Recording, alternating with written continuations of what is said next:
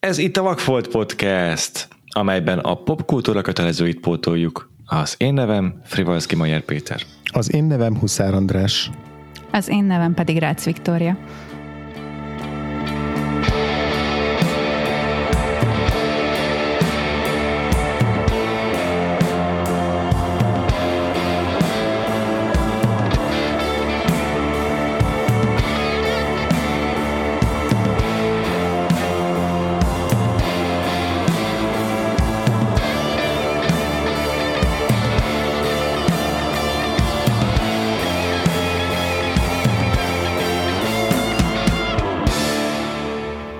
Kedves hallgatóink, és szervusztok, Viki és András.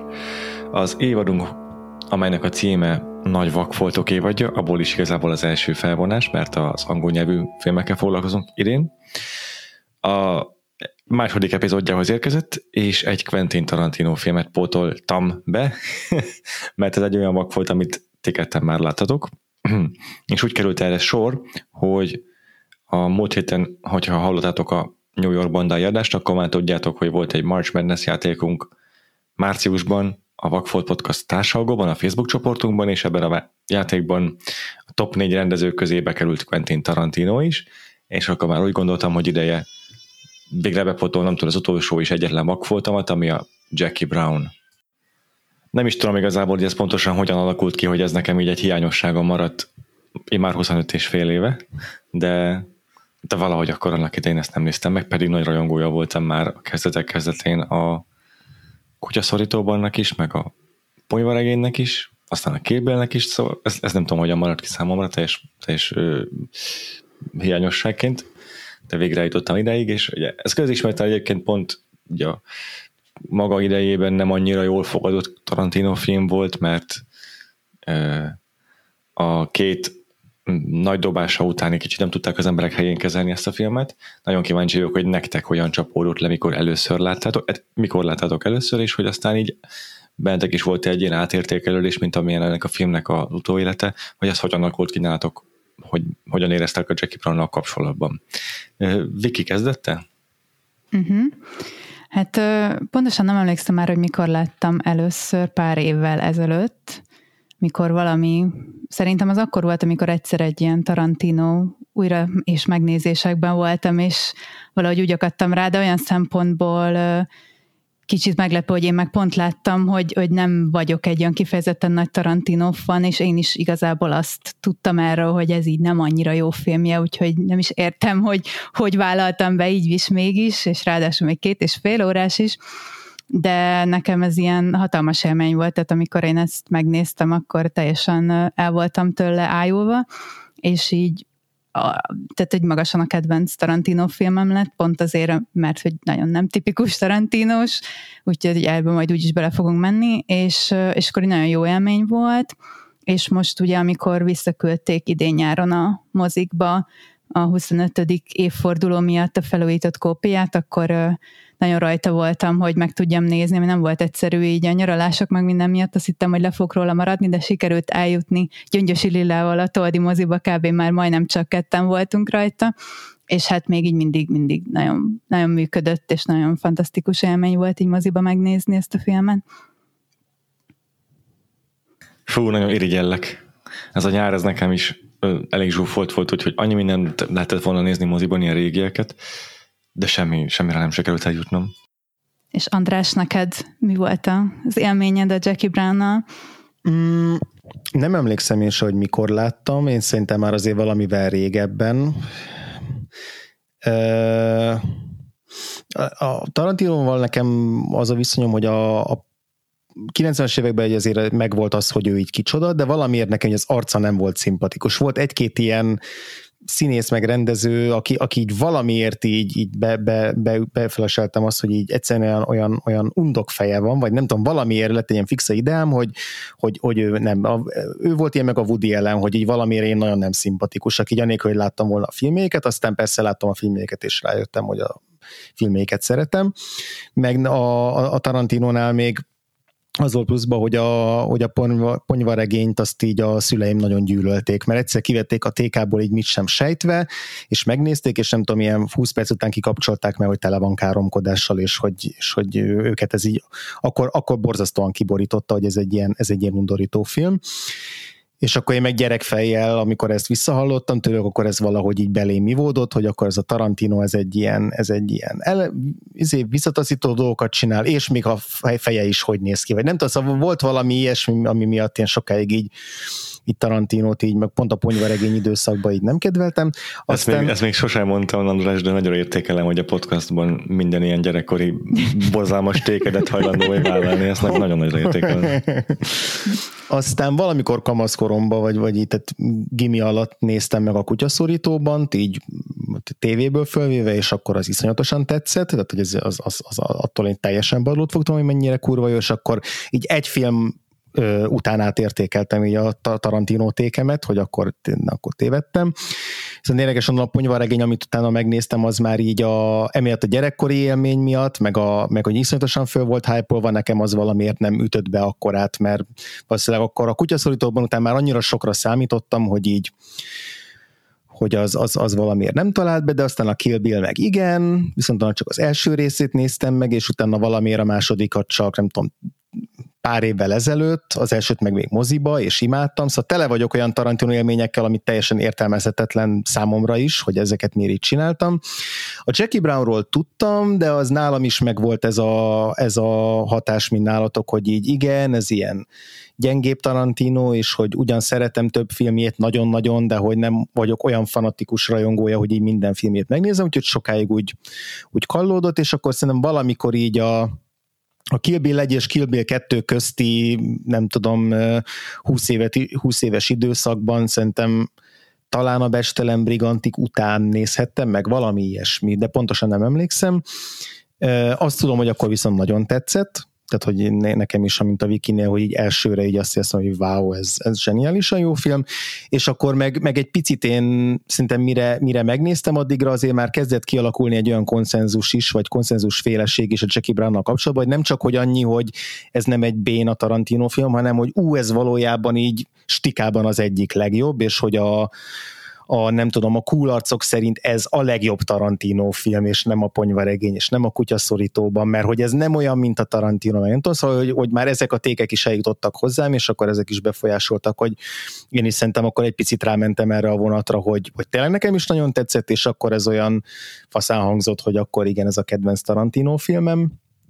Ö, aztán voltam, valamikor újra néztem, még pár évvel később, akkor is nagyon tetszett, szóval, hogy ez úgy megmaradt nálam, hogy így biztosan az élbolyban található a, a, a Jackie Brown, meg aztán olvastam több Elmore Leonard könyvet, ugye ez egy Elmore Leonard regény alapján készült, meg megnéztem a teljes Justified-ot az összes évadjával, megláttam aztán a Mintakámfort, amiről majd fél szóban szerintem tudunk beszélni, csak hogy így miért érdekes ennek a filmnek a kapcsán, és azokat mindent nagyon imádtam, szóval, hogy így ez az egész, hogy Tarantino hozzányúlt egy Elmore Leonard sztorihoz, és nagyon megőrizte annak a jellegzetességét, de belerakta saját magát, szóval ez mind hozzájárult ahhoz, hogy én nagyon szerettem a, a Jackie Brown-t, és igazából mind a mai napig, a mostani újranézésnél is, meg ez még mindig egy nagyon-nagyon jó film. Most egyébként nem biztos, hogy ez most az él, a, nem tudom, ilyen, ilyen azt érezném, hogy torony magasan a, a kedvencem, mint mondjuk,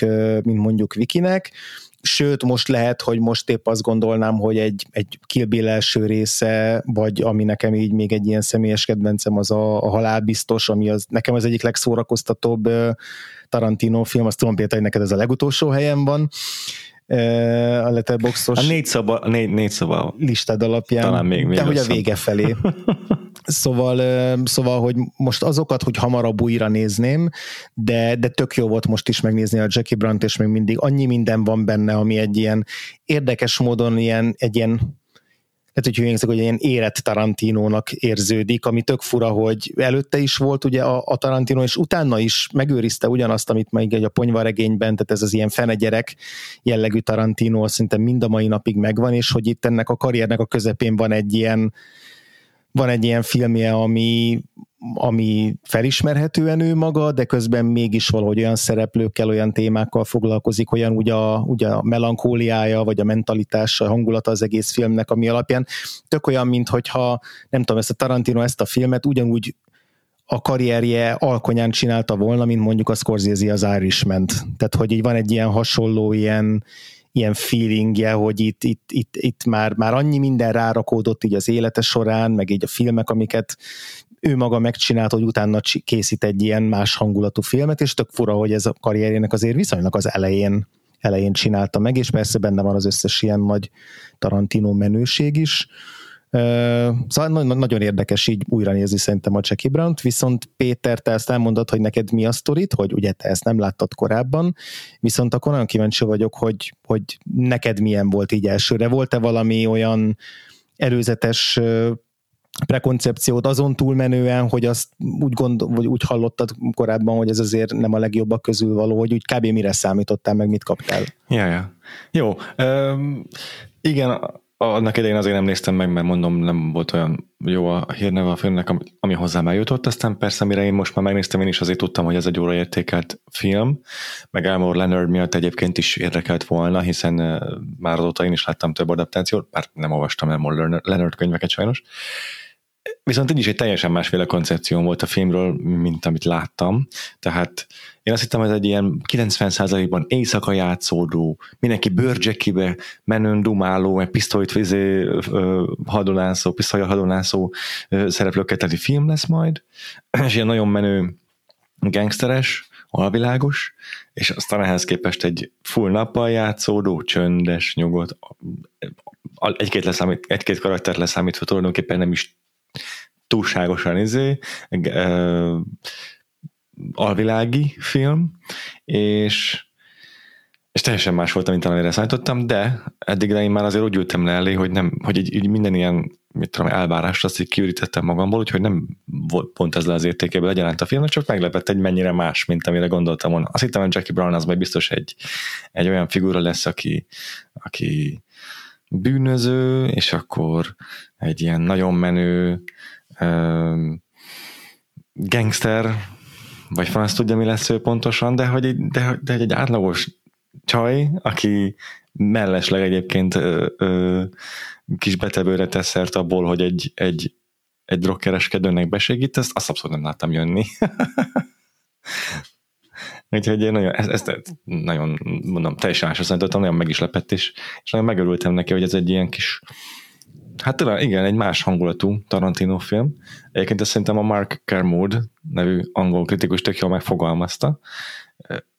Most a 25. évforduló alkalmából, ami fél évvel ezelőtt volt a, a filmnek a hivatalos amerikai premierje, az 91. decemberre volt, és akkor annak a kapcsán sokan elővették újból a filmet, és akkor a Mark Kermode is beszélt róla, hogy az első két Tarantino film azok ilyen nagyon pörgősek, ilyen mutatta az ujjával a dobolt, és akkor hogyan ilyen, ilyen gyorsan pörög ez a, úgy is fogalmazott, mint a whiplash a Rushing, és akkor a későbbi filmjei, mint a Hateful Eight, meg mit tudom, azok meg ilyen lassabbak, az amikor a whiplash a Dragging van, amikor, amikor csak így nagyon határozottan egy üt, erős ütemet üt a dobos, de az, az, az, az, az, az egy lassabb ütem. És akkor a Jackie Brown az meg egy ilyen jazz. Nekem egyébként nem emlékszem már annyira, hogy milyen ilyen előfeltevéseim voltak a filmről, de azt tudom, hogy ami így a legmeglepőbb volt, és amire én egyáltalán nem számítottam, hogy nem tudom, hogy az egyik ilyen legszebb, legkedvesebb szerelmi történetet fogom megkapni pont Tarantinótól, és, és így abszolút ilyen toplistás kedvenc két alakításomat vala a filmekben, ami a Pam és a Robert Forster ebben a filmben.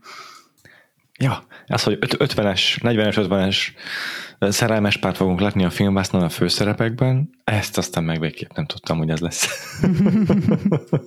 Igen, meg amit, amit te is mondtál, Péter, hogy ezek ilyen, ezek ilyen át, tök, tök átlag emberek, tehát hogy teljesen, te, teljesen hétköznapi figurák, és ez részben az Elmore Leonardnek a világából is fakad, ahol azért általában mindenki ilyen hétköznapi figura, persze van egy-egy Raylan Givens, vagy egy-egy ilyen, ilyen kicsit ex, extrémebb, extrémebb alak, meg a gonosztevők között is akadnak ilyen persze. kicsit extravagánsabb figurák, de hogy igazából egyikük se olyan dörzsölt, mint ami ennek képzeli magát, vagy olyan menő, vagy olyan, olyan nem tudom, szuperokos, de azért eléggé veszélyesek, és akkor ugyanígy a hősök is így, ők, ők meg néha ilyen, ilyen egyszerűbbnek tűnnek, mint amilyenek, és valójában meg azért megvan a maga, maga, magukhoz való eszük, szóval hogy ezzel szerintem tök jól játszik a, a, a Leonard, és ez ebbe a filmben is nagyon jól kijön, pont az, hogy, a, hogy ez a két főszereplő, ezek ilyen, ilyen nagyon ilyen kis, ilyen kis hétköznapi figurák, de valójában e, tökre elhisszük nekik, hogy sikerült túljárniuk mindenki másnak az eszén, és hogy és hogy, és hogy így győztesen kerülnek ki ebből a játszmából, hogy el tudnak lavírozni itt a, itt a cápák között, meg, meg az is tetszik, hogy a cápák meg igazából tök félelmetesek sok, sok szempontból, tehát hogy ennek a filmnek a gonosz tevői azok így ijesztőek, de hogy nem ilyen, ilyen supervillain módon, hanem ilyen hihető módon, és közben meg így az is látszik, hogy ők nem, nem, nem okos emberek, úgy Isten igazából, tehát hogy megint csak könnyű elhinni, hogy ő, ő, őket palira veszik, de közben eléggé fenyegetőek ahhoz, hogy azért mi is féltsük a főszereplőinket.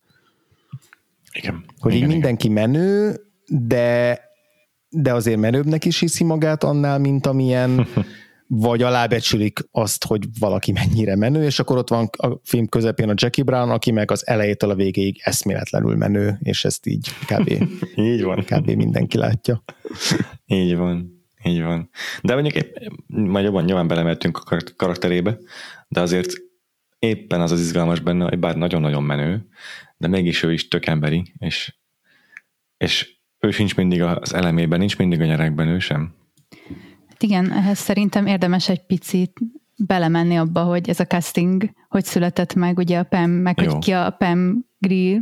Jó. Mert hogy ugye ennek a filmnek van egy ilyen erőteljes, nem tudom, Black Exploitation inspirációja, még nem is úgy, hogy maga a film milyen, de hogy a, főszereplője által, hogy ez a 70-es évekbeli exploitationnek az ilyen fekete főszereplős filmjei, aminek a Pam Grier volt egy nagy figurája, amit én egyébként semmit nem láttam ezekből a filmekből, de hogy a mhm. Tarantino mm. ugye ennek egy ilyen hatalmas rajongója volt, ugye, és ugye maga a regényben is egyébként nem fekete a főszereplő. Jackie meg nem is, a Igen, nem is Brandnak hívják, tehát ez egy ilyen át, ez volt így talán a legnagyobb eltérés, meg a helyszínt helyezte át, azt hiszem Los Angelesbe, talán Miami-ből Aha, igen. Úgyhogy ez egy ilyen, és ugye a film is elvileg tele van, ezt mondom, tényleg én mondjuk nem ismerném fel magamtól, csak olvastam, hogy ez az ilyen Black Exploitation ökre való utalással, akár a skorban van ilyen, akár az ilyen ja, az ja, ja. opening title kinézetében, tehát hogy ezek, ezek megjelennek a filmben, és maga a casting szerintem ilyen szempontból azért is érdekes, mert hogy azért a Pam Grier ez egy ilyen hatalmas, szexi akcióhős volt, de hogy ugye ebben a filmben úgy castingolt, tehát hogy egy 44 éves nőt játszik, aki egy stewardess, és így a legbénább, legcsóribb, nem tudom, mexikói ilyen légitársaságnál ö, van, és emiatt itt tényleg a figurája az egyrészt egyáltalán nem egy ilyen klasszikus akcióhős, mert hogy mert hogy alapból már nem is úgy néz ki, mint egy klasszikus akcióhős, de közben meg ezt ő el is mondja azért, tehát hogy ez így benne van neki, ő, neki vannak félelmei, neki vannak már ilyen, ilyen melankolikus érzései azzal kapcsolatban, hogy mire vitte vagy nem vitte az életben, meg aggódik az öregedés, meg a külseje, külseje miatt is ezeket így mindig verbalizálja, és tehát, hogy ő tök izgalmas, törékeny figura. Nem tudom, milyen volt a 70-es években, milyen karakterei, de gyanítom, hogy nem, nem ennyire összetettek lehettek azok az akcióhősnök és ilyen szempontból is tök sokat ad, de mondjuk, hogyha nem tudja az ember, hogy szerintem amikor én néztem először, akkor sem tudtam semmit annak a hátteréről, akkor is tökre érződik szerintem ez, hogy van ez a, ez a karakán nő, akit kicsit azért így megtört az élet, de még így előjön bizonyos jelenetekben elég erőteljesen az, hogy azért ő mégiscsak mégiscsak egy erős nő gyakorlatilag, úgyhogy, úgyhogy ez, ez ugye egy ilyen fantasztikus casting döntés volt, az sok, ami volt Tarantinónak ilyen tekintetben. Igen, igen, egyetértek. Ez, hogy a Black Exploitation-re utal ezzel a filmmel, vagy ezzel, a, ezzel a szereposztással, ezen kívül meg tényleg a, a bár a könyvben egyértelműen le van írva, hogy fehérbőrű a Jackie Brown, de valahogy a Tarantino, amikor olvasta a regényt, akkor úgy a fejében egy fekete karaktert vizionált, és és így is kell ezt gondolkodni a film castingján, tehát azért ez egy nem abból a megközelítésből jött ez a, ez a Pam Grier választás, hogy a Pam Griernek mindenképp akarok egy, egy ilyen karrier reneszánszt adni, hanem a fekete karakter, fekete színészben gondolkodott, és, és innentől meg automatikus volt, hogy a Pam Grier eszébe jut, mert életkorban is ott van, meg, meg a Black Exploitation háttér az valóban megadta ezt a löketet hozzá. És hát érdekes ez, hogy mit, vajon mi lehet az, hogy a, Tarantino fejében ez a karakter fekete bőrűként manifestálódott, de biztos, hogy hozzáad a háttér történetéhez az is, hogy egyszerűen csak más a bőrszíne, mert mm, ezzel a a társadalmi különbségek azokat nem kell magyaráznom senkinek, az, hogy valaki egy ilyen mexikói Csóringer légitársaságnál dolgozik, az szerintem így még jobban is mm, nem tudom, működik, és a, és, és valahogy így el, el tudom képzelni, hogy Tarantinónak az van a fejében, hogy hát de ez egy nagyon talpra esett nő, egy ilyen helyzetben tök jól feltalálja magát, meg egyébként nem csoda, hogy az az Ordell, akit a Sam Jackson játszik, ez így rátalál, és úgymond kihasználja. Ezeknek az együttese adja ki azt, hogy miért működik jobban ez a karakter fekete bőrű nőként szerintem de már önmagában az is, hogy egy női karakter a főszereplő, és egy ilyen nagyon talpra esett figura, aki egyszerre játszik ki bűnözőket, meg bűnüldözőket, ez önmagában barom izgalmassá teszi, és erre csak egy plusz réteg az, hogy ő egyébként fekete bőrű is, amit meg aztán nem tudom, az egyik legjobb karakter, akit a Tarantino így valaha megírt szerintem ezáltal.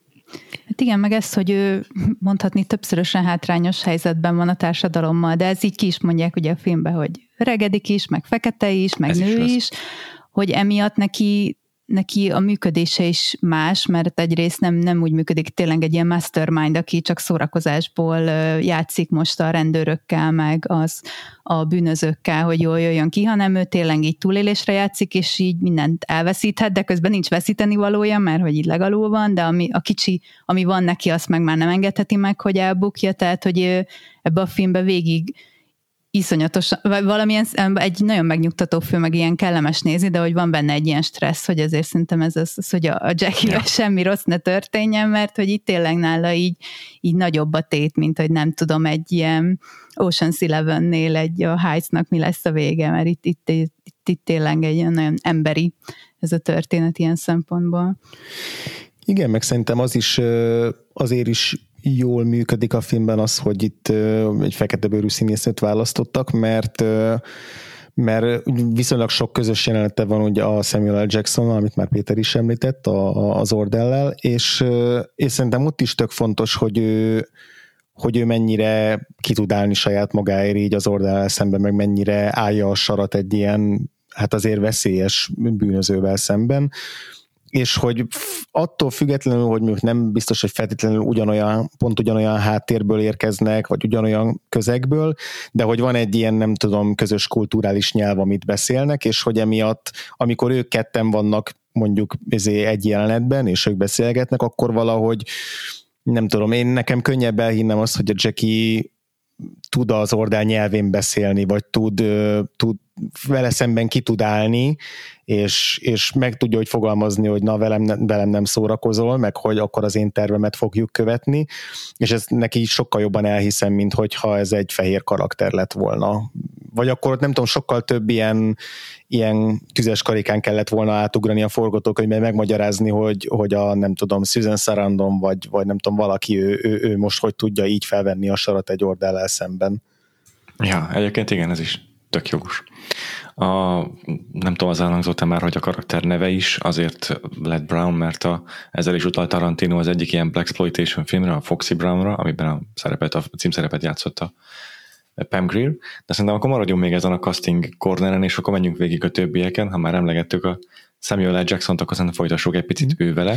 Még előtte csak annyi, hogy van egy nagyon cuki, cuki anekdota arról, hogy amikor a, a Pam Grier először bement a Tarantinohoz így beszélni arról, hogy akkor a ja. akkor a Tarantino őt szeretné a, a filmjéhez, akkor így, így látta, hogy van a Tarantino irodájában a falon egy, egy, egy poszter, amin ő szerepel valamelyik klasszikus, lehet, hogy pont a Foxy Brown, valamelyik klasszikus Black Exploitation filmjével, és akkor nem tudom, utólag így mondta neki, hogy hát ezt, ezt most akkor azért csináltad, hogy így, izé, hogy, hogy, hogy így lenyűgöz azzal, hogy, hogy, hogy, hogy te ismered ezt a, vagy hogy ismersz engem, és hogy ezzel próbáltál így lekenyerezni, és így mondta Tarantino, hogy igazából ő tökre sokat vívódott azon, mielőtt bejött volna hozzá a Pemgrér, hogy nem kéne elevennie a, a falról, mert hogy tök cikinek érezte volna, hogy így, hogy így ezzel villog, hogy, hogy nem, nem, nem azt akarta, hogy az jöjjön le, hogy ő itt most csak egy ilyen fanboyként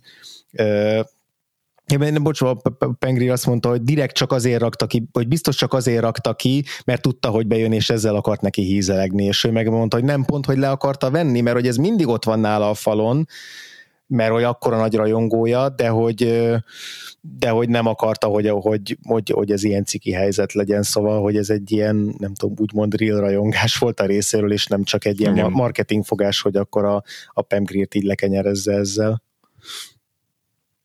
De igen, igen. mehetünk akkor a Samuel L. Jacksonra, aki ugye hogy a ponyvaregény után így a Tarantinónak már a nagy, nagy fegyvertársa ö, volt, és, és amúgy is a 90-es években szerintem ilyen népszerűsége egyik első csúcsán volt a Samuel L. Jackson. Hát abszolút így van. Az, ökasztingja az biztos, hogy nem volt egy ilyen különösebben nehéz dolog.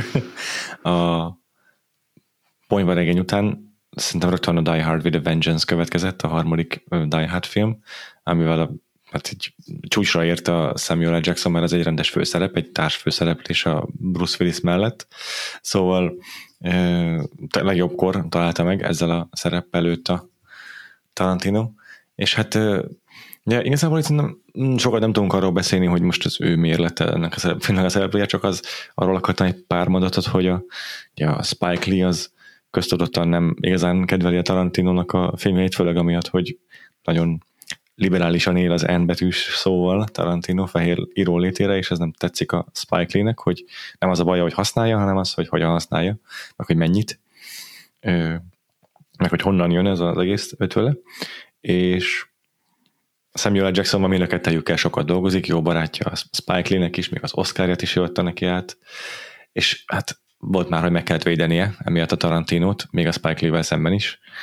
És nekem ez így különösen tetszik, hogy, hogy a Samuel L. Jackson az mm, a Tarantino féle világot is ugyanúgy érzi és értékeli, szereti, szeret ebben dolgozni, és a Spike Lee-vel is. Tehát, hogy mindemellett, hogy a Tarantino ilyen szempontból egy kívülálló figura, amikor erről a közösségről ír, a feketékről ír, meg fekete szereplőket ír, ez nem zavarja Samuel L. Jackson-t, egyáltalán pedig ugyanúgy meg lenne neki is az oka rá, hogyha ez szerinte egy érzékeny téma lenne, de a Tarantino esetében valamiért nincsen ilyen aggája, és ez szerintem egy tök jó mm, tök jó dolog, és, és nekem nagyon tetszik, hogy ennyire sok filmen keresztül működik az ő kapcsolatuk.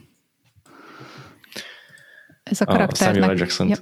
Mondja, igen, mondja csak. Nem, szóval egy ennek karakternél nekem az maradt meg nagyon, ilyen nagyon izgalmasan vezetik fel, hogy ő pontosan milyen, mert hogy kb. így, amikor először találkozunk vele, akkor így akkor nézik ezt a tévéműsort, talán az az első jelenete, hogy ez a Chicks Who Loves Gun, és akkor így nem okay. tudom, ilyen amerikai zászlós bikinis lányok mutogatnak be fegyvereket, és akkor ott a Robert De Niro karakternek, is rá is ki fogunk térni, haverjának magyaráz, és így okoskodik, és ez a tipikus igazi kis stílű, csak a szája nagy, izé, semmi sem ért valójában bűnözőnek tűnik, még teljesen komolyan, ahogy kinéz, ugye az is komolyan vehetetlen, meg amiket mond, és, és ugye nem sokkal később történik meg az első gyilkosság jelenet, ami viszont egészen vérfagyasztó az, ahogy a, a társát, annak érdekében, hogy véletlenül se lehessen az, hogy vele a rendőrség valami megegyezést köt, és rá terelődik át a gyanú, vagy bármilyen infót kiszolgáltasson, ilyen, ilyen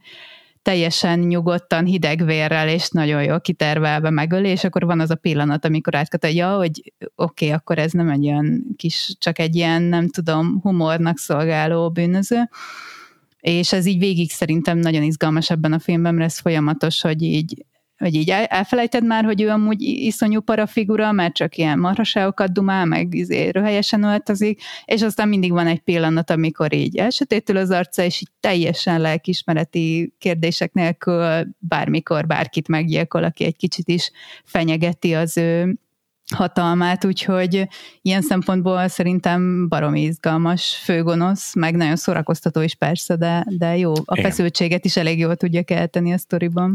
Igen, azt mondta róla Samuel L. Jackson, hogy egész addig azért, amikor ő rossz fiúkat játszott, azok mindig olyan rossz fiúk voltak, akiknek volt valami kis ö, pozitív tulajdonságok, valami, amivel azért így felmenthetőek voltak a néző szemében. Ordelnek ilyen nincs. Igen, és tök érdekes, hogy nekem most ennél az újranézésnél így elsőre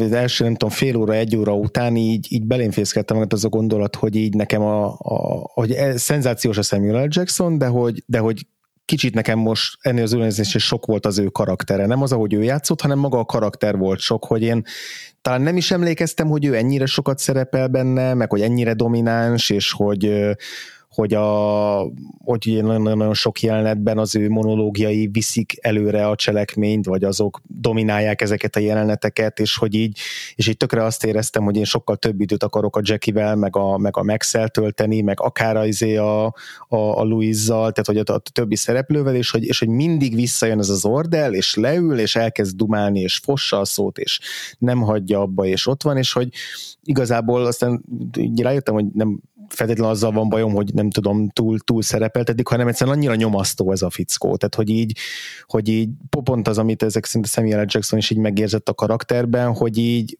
hogy, hogy, hogy ő benne nincs semmi pozitív tulajdonság. Persze Samuel L. Jackson baromi élvezetes hallgatni, bármiről beszélni, mert olyan szórakoztató színész, ami párját ritkítja, de hogy így, de hogy így azt, azt érzem, hogy így rátelepszik a filmre, ugyanúgy, ahogy maga az Ordel is így rátelepszik mindenkire maga körül, egészen addig, amíg úgy nem tönt, hogy akkor lövi azt a valakit.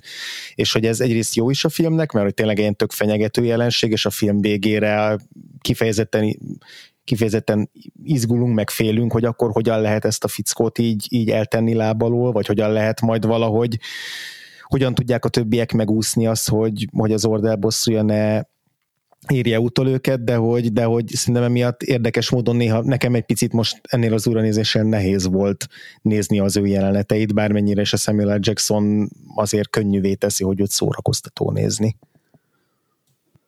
Hát olyan kicsit, mintha ő hozná be a Tarantino filmet a nem Tarantinos filmbe, vagy legalábbis nem olvastam a könyvet, de hogy arra tippelnék, hogy mondjuk az ő dialógiaiból van a legtöbb, ami Tarantino-tól származik, és nem az eredetiben van benne. Így van. Abszolút a dialógusokat azokat a Tarantino a saját ízére, a saját, saját szája ízére alakította át, és szerintem is nagyon érezhető a, az Ordel karakterén ez.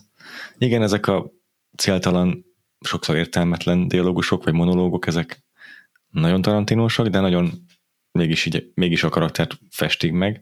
Egyetértek Andrással teljesen is, hogy azt éreztem a filmben, hogy a, szinte rátelepszik sokszor az ordel, aminek nem az is az oka azon kívül, amiket mondtatok, hogy a cselekményt viszont ő mozdítja előre sokszor, tehát a rugója vagy motorja ennek a, az egész esemény sorozatnak, amit a filmben kibontakozik, szóval ezért is kell vele foglalkozni, az meg már a Tarantino sajátja, hogy akkor, na ha már foglalkozunk vele, akkor monologizálja minden lehetős alkalommal lehetőleg. Én nekem egyébként az jutott még eszembe róla most az újranézéskor, hogy az Idolban lehet, hogy a The Weeknd ilyen szeretett volna lenni, amikor elképzelte a saját karakterét, mint az Orda, csak hát azért nem sikerült pont ezt a karizmát wow. belehozni. Akartok még úgy általában véve Samuel L. Jacksonról beszélni egy picit? Én talán csak azt fűzném tovább, amit Péter, te felvetettél, hogy mennyire jó, hogy ilyen sokat dolgozik vele a, a, a Tarantino, és hogy egy teljes életükön keresztül vissza-visszatért hozzá, és hogy, és hogy én azt, azt is nagyon szeretem az ő kettejük együttműködésében, hogy, hogy azért a Samuel Jacksonnak van egy karaktere, meg van egy, van egy színészi stílusa, meg van az a típusú karakter, akit ő nagyon jól el tud játszani, ez pont ez a nagy dumás, hóhányó, kicsit fenyegető, végtelenül szórakoztató figura, ez, ez, ez nagyon a Samuel. Jackson, és hogy tökre becsülöm a Tarantinoba, hogy nem nem mindig akkor nyúl hozzá, a, vagy akkor hívja fel a Samuel Jackson-t, amikor egy ilyen karakter kell neki. Tehát, hogy megtehetné azt, hogy így minden filmjébe egy ilyen karaktert oszt rá, viszont, viszont keresi a kihívásokat így Samuel L. Jackson számára is. Tehát, hogy azért egy, egy a ponyvaregénybeli karaktere, meg az Ordel között van hasonlóság, de azért, de azért eléggé mások. De hogyha mondjuk oda vesszük a, a, a, a Django elszabadult, ami nekem talán a, a kedvenc Samuel L. Jackson alakításom, így nem csak Tarantino filmekben, hanem egyébként is, az egy, az egy egészen különleges és egészen másféle figura, a, a, a, akit ott megalkot a Samuel L. Jacksonnal együtt és aztán megint jön az aljas nyolcas, ami meg megint csak inkább egy klasszikusabb Samuel L. Jackson figura, tehát hogy azért azért néha azt mondja, hogy jó, akkor szem legyél olyan, amilyen szoktál lenni, de néha meg azt mondja, hogy most valami, valami nagyon mást várok tőled, és, és, és ilyen más oldaladat mutathatod meg ebben a, ebben a szerepben. Szóval ez nekem például kifejezetten tetszik, hogy hogy, hogy keresi tényleg így a kihívásokat számára, meg hogy a Samuel L. Jackson is így bevállal ilyen, ilyen másféle szerepeket is az ő kedvéért. Igen, biztos vagyok benne, hogy egyszerűen ez egyrészt az a hála is, hogy a Pulp Fiction ez egy óriási elismerést hozott a Samuel L. Jackson számára, és amúgy meg szinte tényleg minden alkalommal valami olyan szerepet kap tőle, amit élvezett eljátszani. Arról nem beszélve, hogy a Sam Jackson is mondja, hogy azért a rendezőknek nagyon nagy része azok így beülnek a monitorok mögé, még a, még a nem digitális világban is így volt ez, hogy beültek a ilyen kis videószobába, és akkor onnan nézték a képet a rendezők, és nem mennek ki a magába a diszletbe, és azért a Quentin tarantino a forgatásai mindig nagyon elevenek és energikusak, mert ő tényleg ott van a színészekkel, ott akar lenni, meg ott közvetlenül látja az alakításaikat, mert érdekli, mi történik a diszletben, és ez, ez, szerintem ez a hangulat is hozzájárul ahhoz, hogy visszavisszatérő hozzá. Jó, de haladjunk tovább a színészek listáján. Ha már szóba jött, akkor szerintem egy kicsit foglalkozunk a Deniróval, és akkor utána meg majd lehet a Robert Forster egy órában. Vicces, hogy a múlt héten, vagyis hát az előző adásban két beszéltünk pont arról, hogy hogy ilyen különböző mondjuk a metód színészek, vagy a klasszikus színészek milyen, amikor így a, a, a régi arcokat hozzák. Azt hiszem, hogy ott került elő, ugye Péter, a Robert De Niro, ott, ott, ott, ott szenteltünk neki egy, egy kis időt. Hát ha nem is beszéltünk sokat róla, de a metodról beszéltünk, meg ugye a taxisofőr külön kiadásban a nyár elején biztos, hogy igen. beszéltünk az ő módszereiről, de lehet, hogy a múlt hét, két héten is. Igen. most megidézem Cyclot, hogy ne kiabáljon otthon, amikor hallja, hogy igen. ő mondta, hogy neki volt a kedvenc, egyik kedvenc alakítása Robert De Niro-tól, ami nem volt egy ilyen jellegzetes ebben a filmben, hogy oh. ezért is előkerült a múltkor. Igen, oh. igen, tényleg, tényleg, tényleg. Uh, szóval köszi szépen, Viki, mert én csak arra emlékeztem, hogy mostanában valamikor az egyik adásban beszéltünk a, a Robert De Niro-ról, és, és hogy akkor mondtam, hogy ez a, ugye ez a komikus, csak egy kis pánikos arckifejezése az, az milyen érdekesen tud néha eluralkodni a szerepein, és hogy ebbe a filmben szerintem annyira vicces, mint kevés filmben, és aztán egy bizonyos ponton meg annyira félelmetes is, mint kevés másik filmben, pedig azért tudott ő nagyon félelmetes is lenni. Szerintem zseniálisan hoz egy, egy, egy elképesztően ostoba figurát, aki, akinek így a, a tekintete mögött nincs semmi. Tehát, hogy tényleg, hogy így rázumolsz a tekintetére, és így ilyen, nem tudom, David Fincheres kameratechnikával így behatolsz a fejébe, akkor ilyen kongó ürességet látszott, mert egyszerűen ez, ez a leg, tényleg a legzsibasztóan ostobább figura, akit így valaha De Niro eljátszott, és hogy el tudja úgy játszani, hogy, hogy amikor jön az az ominózus film második felében a jelenete a Bridget Fondával, akkor azért, azért megfagyom benned a vér egy pillanatra. Tehát, hogy hogy az ilyen ostoba emberek azért nagyon-nagyon ö, fenyegetőek ja. is tudnak lenni, de, de én imád, imádom azt, hogy ebben a filmben amennyit monologizál a Samuel L. Jackson, az Robert De Niro az ilyen tőszavaknál is rövidebb ö, mordulásokkal válaszol, mint hogyha a beszédfunkcióit is elvesztette volna, és csak így hűmög, és csak néz, és így megvonja a vállát, és, és, és így abszolút semmit nem tesz hozzá, semmilyen ö, semmilyen párbeszédhez, de ezt úgy csinálja, hogy közben Robert De Niro az, ez, ez zseniálisan teszi, tehát hogy nem arról van szó, hogy a színész nincs jelen a jelenetekben, hanem ő maximálisan jelen van olyan módon, hogy ne legyen jelen, ami nagyon-nagyon szórakoztató. Igen. Na vele kapcsolatban azért érdekes az, hogy ő hogyan került ebbe a filmbe, meg még a Samuel L. Jackson is mesélt róla picit. Egyrészt a, azért már régóta ismerték egymást Tarantinoval, mert így a regény idején a Kánban találkoztak, meg a Harvey Keitel ugye bemutatta igazából, vagy nem is mutatta be feltétlenül, de hogy mesélt a Deniro barátjának erről a fiatal Quentin Tarantinóról, és aztán szerette is volna megkeresni ezzel a filmmel őt, a Deniro-t a Tarantino, de aztán nem merte neki odaadni a skriptet, hogy, vagy hát még húzódozott rajta, hogy így oda, oda merje eladni, mert hogy mégiscsak azt a szerepet adná neki, amelyik a leghülyébb a filmben. És akkor végül a Harvey Weinstein, aki a filmnek a producere a Miramaxon keresztül, az azt tette le az asztalára a Deniro-nak a skriptet, de még ekkor is azért nem volt annyira egyértelmű, hogy ez így menni fog, mert a Daniel elolvasta a skriptet, és akkor mondta, hogy nagyon jó, nagyon jó ez a Max Cherry szerep.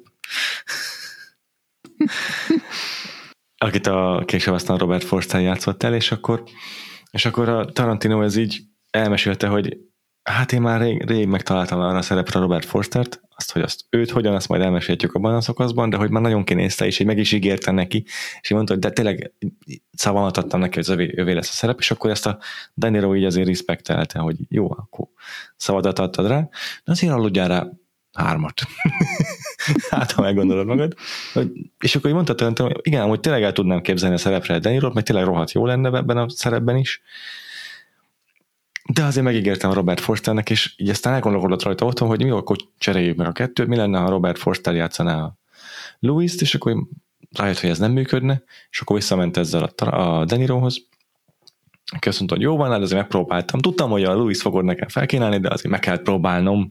És akkor elvállalta a Louis-t, és így kérdezte tanító, hogy de miért nem, de miért nem mondtad, hogy jó neked a Louis szerepe is? Hát azért, mert akkor nem gondolkodtál el volna azon, hogy nekem adja a Maxet.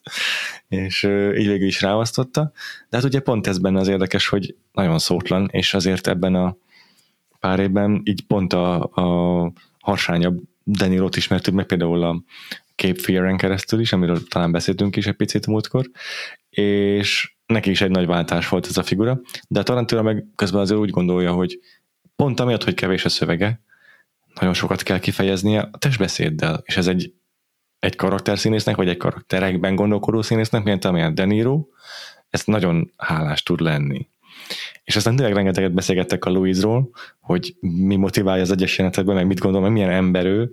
Így egy rendes karaktertől kialakított a fejében az, hogy ezt a fickót eljátsza, és nem csak bambán ült, meg nézett ki a fejéből a távolba.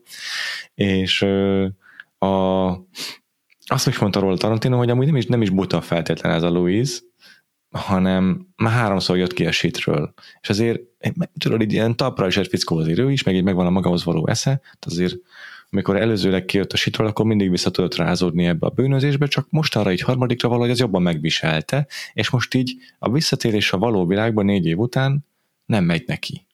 Nem tudni, hogy miért, de most valahogy lassabban rázódik vissza, és így csak bámulja a tévéképernyőt, meg így, így, így elmegy mellette az élet, és így ezzel magyarázt fel, hogy mitől ennyire kiüresedett fickó a Louise. És hát ami meg a Sam Jacksonnal kapcsolatban érdekes itt, hogy a Tarantino ezért elmondja, hogy hát meg ezt szerintem minden interjúból mi is tudjuk, hogy a Samuel L. Jackson azért egy ilyen nagyon mm, ön, ön, van önbizalma. Egy olyan figura, aki képben van a saját képességeivel, a saját státuszával a színészek között, ő pont, nagyon pontosan tudja, hogy ő hol helyezkedik el, mit teher meg színészként, mit várnak el tőle az emberek, amikor játszik, mit kell hozni egy filmben, sőt, sokszor jobban tudja, mit kell hozni egy filmben, mint egy rendező, és joggal. Tehát ő nagyon rutinos, meg nagyon karak- karakán figura. De amikor Deniroval játszott, akkor azért is megállt egyszer egy pillanatra, hogy Deniroval játszom. Pedig úgy, hogy gyakorlatilag tényleg folyamatosan pofázik hozzá, és, és kioktatja, és dominálja. Nekem az elején még volt egy olyan elképzelésem, és ez szerintem azért, mert hogy a Robert De Niro játsz ezt a karaktert, hogy lehet, hogy arról van szó, hogy ő a kvázi bölcsnéma, és itt arról van szó, hogy ő az, aki nem fog hülyeségeket beszélni, hanem csak így csöndben van, és, és egyébként meg nem tudom, egy ilyen, ilyen kemény bűnöző, de hát azért ez gyorsan lerombolódik, hogy, mm. hogy nem erről van szó, meg hát aztán tényleg a legvégén meg pláne, hogy, hogy abszolút nem alkalmas, meg inkább közveszélyes, kicsit szegény.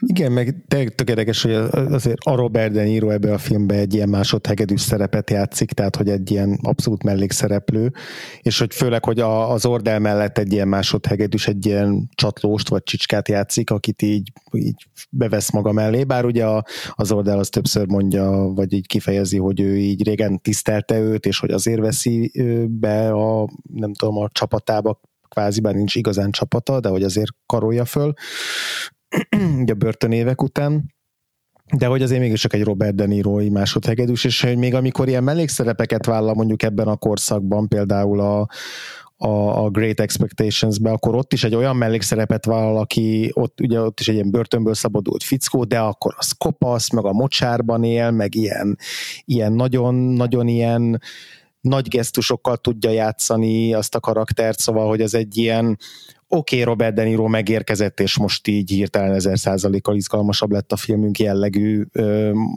jellegű karakterformálás, és ebbe a filmben meg tökre igazodik ahhoz, hogy ő akkor ilyen piciben játszon, tehát hogy tényleg fontosan jelen van, de hogy nem érzékelteti, hogy na én most én vagyok az, és hogy ez most így beleváljom a fogam ebbe a szerepbe, és hogy pont mi, hogy, hogy ilyen, ilyen kicsibe játsza ezt a figurát, hogy szinte így eltűnik ott a kanapén, de közben mégis, mégis vicces, hogy amikor meg a Bridget Fonda karakterével ott megy ugye a parkolóban, és akkor a Bridget Fonda az agyára megy, és, és hogy amikor ott hátrafordul, hogy megrándul az arca, és látszik, hogy így gyűlik benne a harag, akkor viszont ez egy ilyen, nem tudom, vulkánkitöréssel legyen értékű, pedig, hogy ott sem történik nagyon sok minden, csak egy-két ilyen, ilyen ajakbigyeztés, vagy, vagy ilyen, ilyen orcimpa de hogy az annyival több, mint bármi, amit addig láttunk ettől a csávot, hogy tökre elhisszük, hogy ott így kitör belőle az, hogy hát én most akkor agyon lövöm.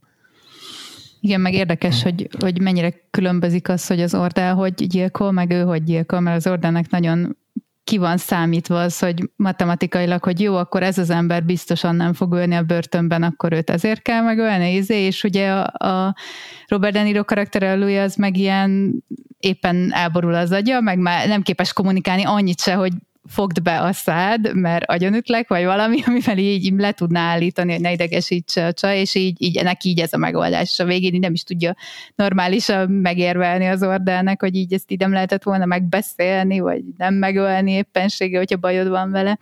Úgyhogy hát igen, szegény. De egyébként szerintem a Bridget Fondáról is lehet majd egy picit jó. beszélni, mielőtt jó. hát megyünk a nagy jó. kutyára. Jó, jó, jó. Mert jó, szerintem jó, úgy jó, ő is egy tök szórakoztató karakter, tehát hogy ez a surfer girl, nem tudom, sztereotípia megvalósulása, de hogy így egyáltalán nem érzem ilyen nagyon, tehát hogy unalmasan sztereotípnek, hanem ilyen nagyon-nagyon szórakoztató, an, ö, ilyen provokatív és, és ö, jó pofa karakter, úgyhogy én nagyon elvesztem egyébként ezt az alakítást is. Én is és nagyon számít, hogy nem ő a hülye igazából, mert a dinamikában azért úgy lenne a default, vagy az lenne szerintem a legtöbb legklisésebb megoldás, hogyha a szőke csaj lenne az ostoba liba. És sokkal értelmesebb a Louise-nál, ami nem nehéz, de, de hogy tényleg egy jóval talpra esettebb figura, aki azért úgy van, megvan a magához való esze, és egy csomószor nem szólal, meg nem mondja ki a, a, nem magyarázza el, hogy neki milyen a fejében, de tudod, hogy azért nem, nem, nem teljesen izé, e, csak egy buta fruska, akit kihasznál az Ordel fizikailag, meg nagyon-nagyon jó kis figura az övé is tényleg. Igen, összem egyszer csak, egyszerűen csak így halára unja magát, és így valamivel el kell szórakoznia, de közben kielvezi azt, hogy így nem tudom, meg, megkapja az ilyen az ordelnek a, a, a presztízsével vagy rang, rangjával járó, járó előnyöket is, meg hogy akkor annyi, annyit szív, amennyit csak szeretne de hogy ugye a film elején van több ilyen, ilyen, ilyen játszma, hogy akkor, hogy akkor nem, nem veszi fel a telefont az ordelnek, és akkor ez a melyikük bírja tovább azt, hogy, hogy hogy ellenszegül a másiknak, és hogy oké, okay, hogy végül mindig a Bridget Fonda karaktere az, aki, a Melanie az, aki végül enged, de hogy általában még így is néha picit az az érzésünk, hogy ő került ki győztesen ebből a párharcból, mert, mert az Order csak felszívta magát rajta, és ő meg csak mosolyog, tehát hogy ez a igen, ez a fajta talpra esettség, ez tökre megvan benne, csak hogy így nem ismeri föl, hogy a, hogy a Louise-nál nem, egy bizonyos ponton túl nem, nem működik ez a cukkolás. a script terén meg a két karakterrel kapcsolatban nekem az a konklúzióm, vagy a megjegyzenőm, hogy a, a Louise is, meg a Melanie is tényleg a filmnek az utolsó, nem tudom, 30 percében egyszer csinálnak valamit, ami a cselekmény szempontjából lényeges. Ami miatt ők nélkülözhetetlenek a a filmben. De az, hogy előtte két órán keresztül nézzük őket, és a Louise-ról tudjuk, hogy, hogy börtönből szabadult, hogy tényleg teljesen más világban él már, a Melanie-ról tudjuk, hogy ilyen szurkálódós, piszkálódós figura, és ezeket látjuk egy szépen kialakulni, látjuk az ő közös dinamikájukat. Ettől működik az utolsó, utolsó fél órában az a húzás, amit csinálnak, ahogyan viselkednek egymással, meg amit a Louis csinál, de egész addig igazából csak így lógunk velük. és ez tök jó, hogy így hagyja az időt a film arra, hogy ezzel a két szerencsétlen együtt legyünk egy, egy légtérben, hallgassuk őket, nézzük a kis uh, incselkedéseiket, de ennek valójában két órán keresztül semmi funkciója, a, úgymond a, nem gördíti előre a cselekményt, az, hogy őket nézzük, de aztán az utolsó fél órában mégiscsak csattan az a, az a labda, amit feldobtak. Igen, kicsit olyanok, mint ezek a klasszikus vígjátékokban, hogy van a fő szerelmes pár, meg van mindig a komikus hmm. két mellékszerelmes pár, akik minden szórakoztató nézni. És sokszor főveznek is, igen. igen, hát meg a, a lábfét is vádakat nem ez a film fogja megdönteni a Bridget Fonda jeleneteivel. Na igen, igen. Ezzel igen. kapcsolatban Tarantino most pont valahol nyilatkozta nem olyan régen, hogy én az nem vagyok lápvétéses, csak tudom, jó, tudok jól történetet mesélni, ezzel arra utal, hogy, hogy, a, hogy van funkciója számára mindig a filmben ezeknek a képes, képsoroknak, és tulajdonképpen, ha végignézem, jó, tényleg biztos, hogy van lábfétésem, mert különben más módokat is variálná a módszereket, de, de, de tényleg van funkciója annak, amit csinál a, a minden filmben. Például, hogyha megnézed a Once Upon a Time in Hollywoodot, az, hogy a, a hippie csaj ott a Brad Pittnek a motor, vagy a milyen fenére a, a műszerfalára felteszi a lábát, meg az ablakából kilógatja a lábát, az egy, az itt tök jól elhelyezi, hogy a Brad Pitt az a öregebb csávó, aki még ilyen ezért uh, hippi korszak előttről származik, és ez neki ez így szokatlan, a fiatal csaj meg ez a uh, minden szabályra fittyet hányó hippi, és a kettő dinamikáját egy fél mozdulattal elintézi Tarantino, és már értjük is őket, mind a kettőjüket.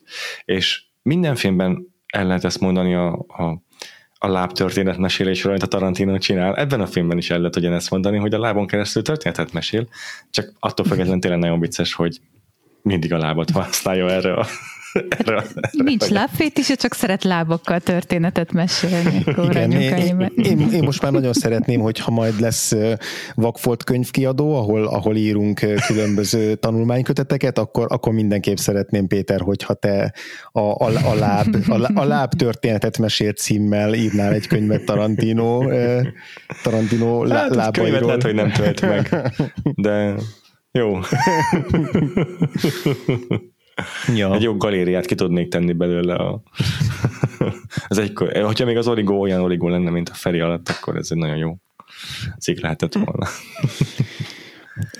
Én még azért be akarom dobni gyorsan egy fél mondat erejéig Michael keaton mert Michael Keaton mindig zseniális, és, és ez a, uh-huh. ez a szupermenőn vagy magát ilyen szupermenőn nem is tudom, hogy fogalmazzam, meg az, az a karakter, aki mindig úgy jelenik meg, hogy ő így a legvagányabb.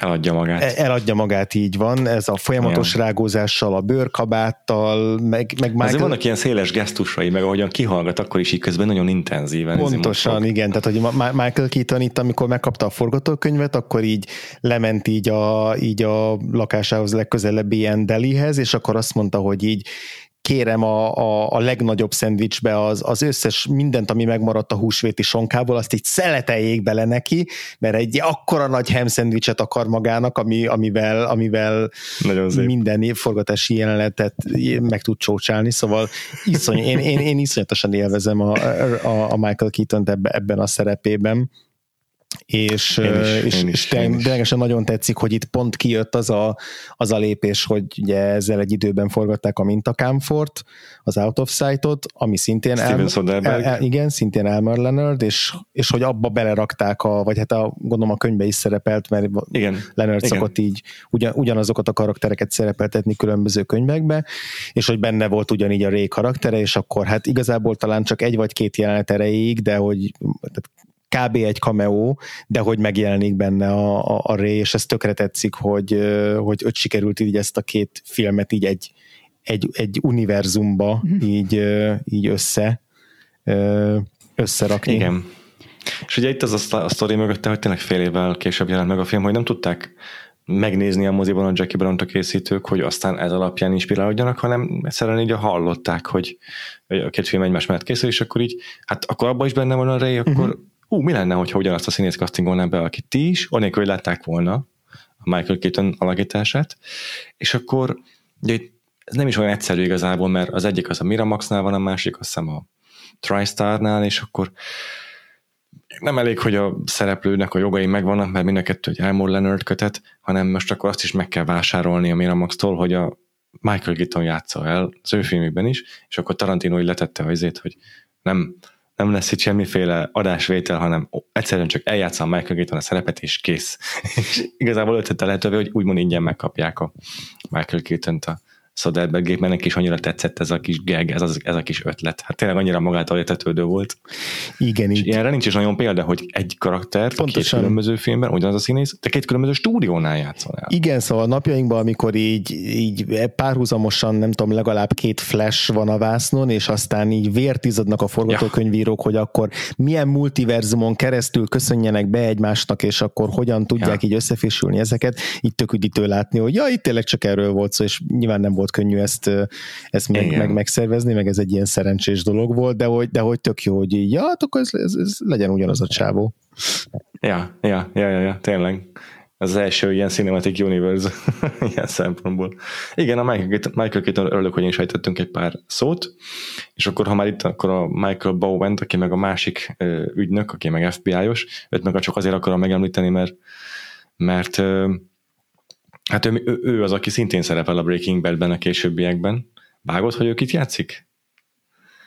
András. Ja, ő volt a, a most azt akarom, hogy ő volt a főnáci az utolsó évadban? Ő, Igen. ő volt, ő volt. Ő. Én esküszön nem ismertem fel, amúgy nem arról van szó, hogy csúnyán öregedett volna meg, csak egy kicsit máshogy hordja a haját, meg egy kicsit szúrósabb tekintettel néz, de durva. És hát biztos, hogy nem véletlen, hogy, hogy hogy a Jackie Brownból hozták ködbe, hiszen a Breaking Badben szerepel Robert Foster is, és akkor most beszéltünk egy picit róla is szerintem most már. Gyönyörű átvezetés. Így van, úgyhogy Viki kérlek, mondd el nekünk és hallgatóknak, hogy miért Robert Forster a legszebb ember ebben a filmben a földkerekségen. Meg kell nézni a filmet egyértelműen, és senkiben nem marad kérdés. Hát így megint vissza tudok menni az első megnézésé a filmnek, hogy mikor szerettem bele ebbe a filmbe, és akkor szerettem bele ebbe a filmbe, amikor Robert Foster, vagy hát Max Cherry meglátja a Jackie Brown sziluettjét, ahogy kisétál a börtönből, és így azonnal tudod, jó, hogy nyilván rásegít a romantikus aláfestő zene, de hogy amúgy is tudnád, hogy itt most szerelem első látásra ö, sztori van, ö, és ö, igazából így tényleg csak azt tudom mondani, hogy szerintem, tehát, hogy a Robert Foster néz ebben a filmben, úgy nagyon kevesen nézne, néztek valaha a filmtörténetben ilyen, ilyen gyönyörűen és, és tök jó, hogy tényleg, amit már előtte is beszéltünk, hogy ezért ezek idősödő karakterek, és szerintem így Robert Forsternek az összes ránca is gyönyörű ebben a filmben, tehát az is így annyira, annyira ez, eleve ez egész egy nagyon arcközpontú film, és így nagyon ez maradt meg bennem is, még az első nézés után is, hogy az, az ő arca, meg a Pam Greernek ez az ilyen furcsán tartott szája, hogy beszél, és, és így annyira jellegzetes, jellegzetesen néznek és hát ugye az ő karaktere gyakorlatilag hiába egy óvadék ügynök, ami egy olyan munkakör, amiben azért általában nem tudom, egy ilyen erőszakos cselekedetek, meg fegyver használat az eléggé benne van, ő egy ilyen végtelenül szelít figura, és főleg a többi férfi karakterhez képest nagyon szelít figura, meg az a figura, akinek semmi rossz szándék, meg semmi kihasználási szándék, meg igazából a pénz se érdekli, meg semmi, csak hogy boldog legyen a Jackie Brown leginkább és, és így nem tudom, én így, így imádom ezt a karaktert, azt a kis kinyúlt pulcsait, amivel a moziból kijön, meg mindent, amit, minden mondatát, a kis ilyen melankólikus arcát és szomorúságát. Úgyhogy szerintem baromira, baromira zseniális karakter, nagyon jók, jó, tehát hogy így elképesztő a kémiájuk együtt a Pam Grier-rel, meg így minden, minden jelenetük, minden beszélgetésük, Úgyhogy szóval nekem ez, ez az ultimate love story. Nagyon szépek a szemei a Robert Forsternek, nem? Hát igen. Tehát már érted a Twin Peaks-ben, amikor már 30 évvel később szerepelt az új évadban, még abban is rabulejt olyan szépek a szemei a Robert Forsternek. És hát tényleg a chemistryük az valami felfoghatatlanul szép, az, hogy de úgy van köztük chemistry, hogy az inkább egy ilyen gyengéd, gyengéd vonzalom. És ez is olyan ritkán látni ilyet, főleg egy bűnügyi filmben, hogy elsősorban a gyengétséggel tudod leírni, elemezni a romantikus kapcsolatot, ami a két főszereplő között van.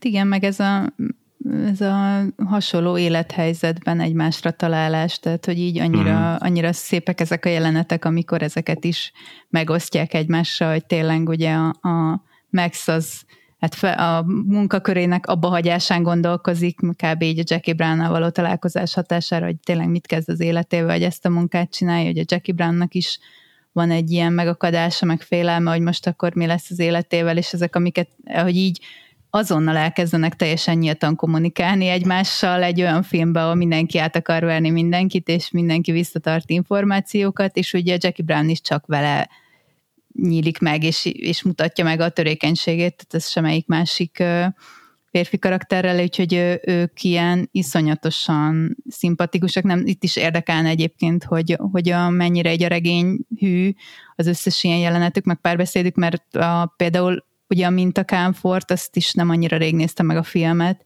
és ott is azért, ott más típusú, de hogy ott is annyira jól működik a két főszereplő karakternek a, az ilyen össze találása, meg hogy hogyan, hogyan írod meg azt jó, hogy így tényleg ilyen hihető legyen, hogy ők ennyire összhangban vannak ilyen hamar, szóval ez így mondjuk baromi jól működik szerintem mindkét filmben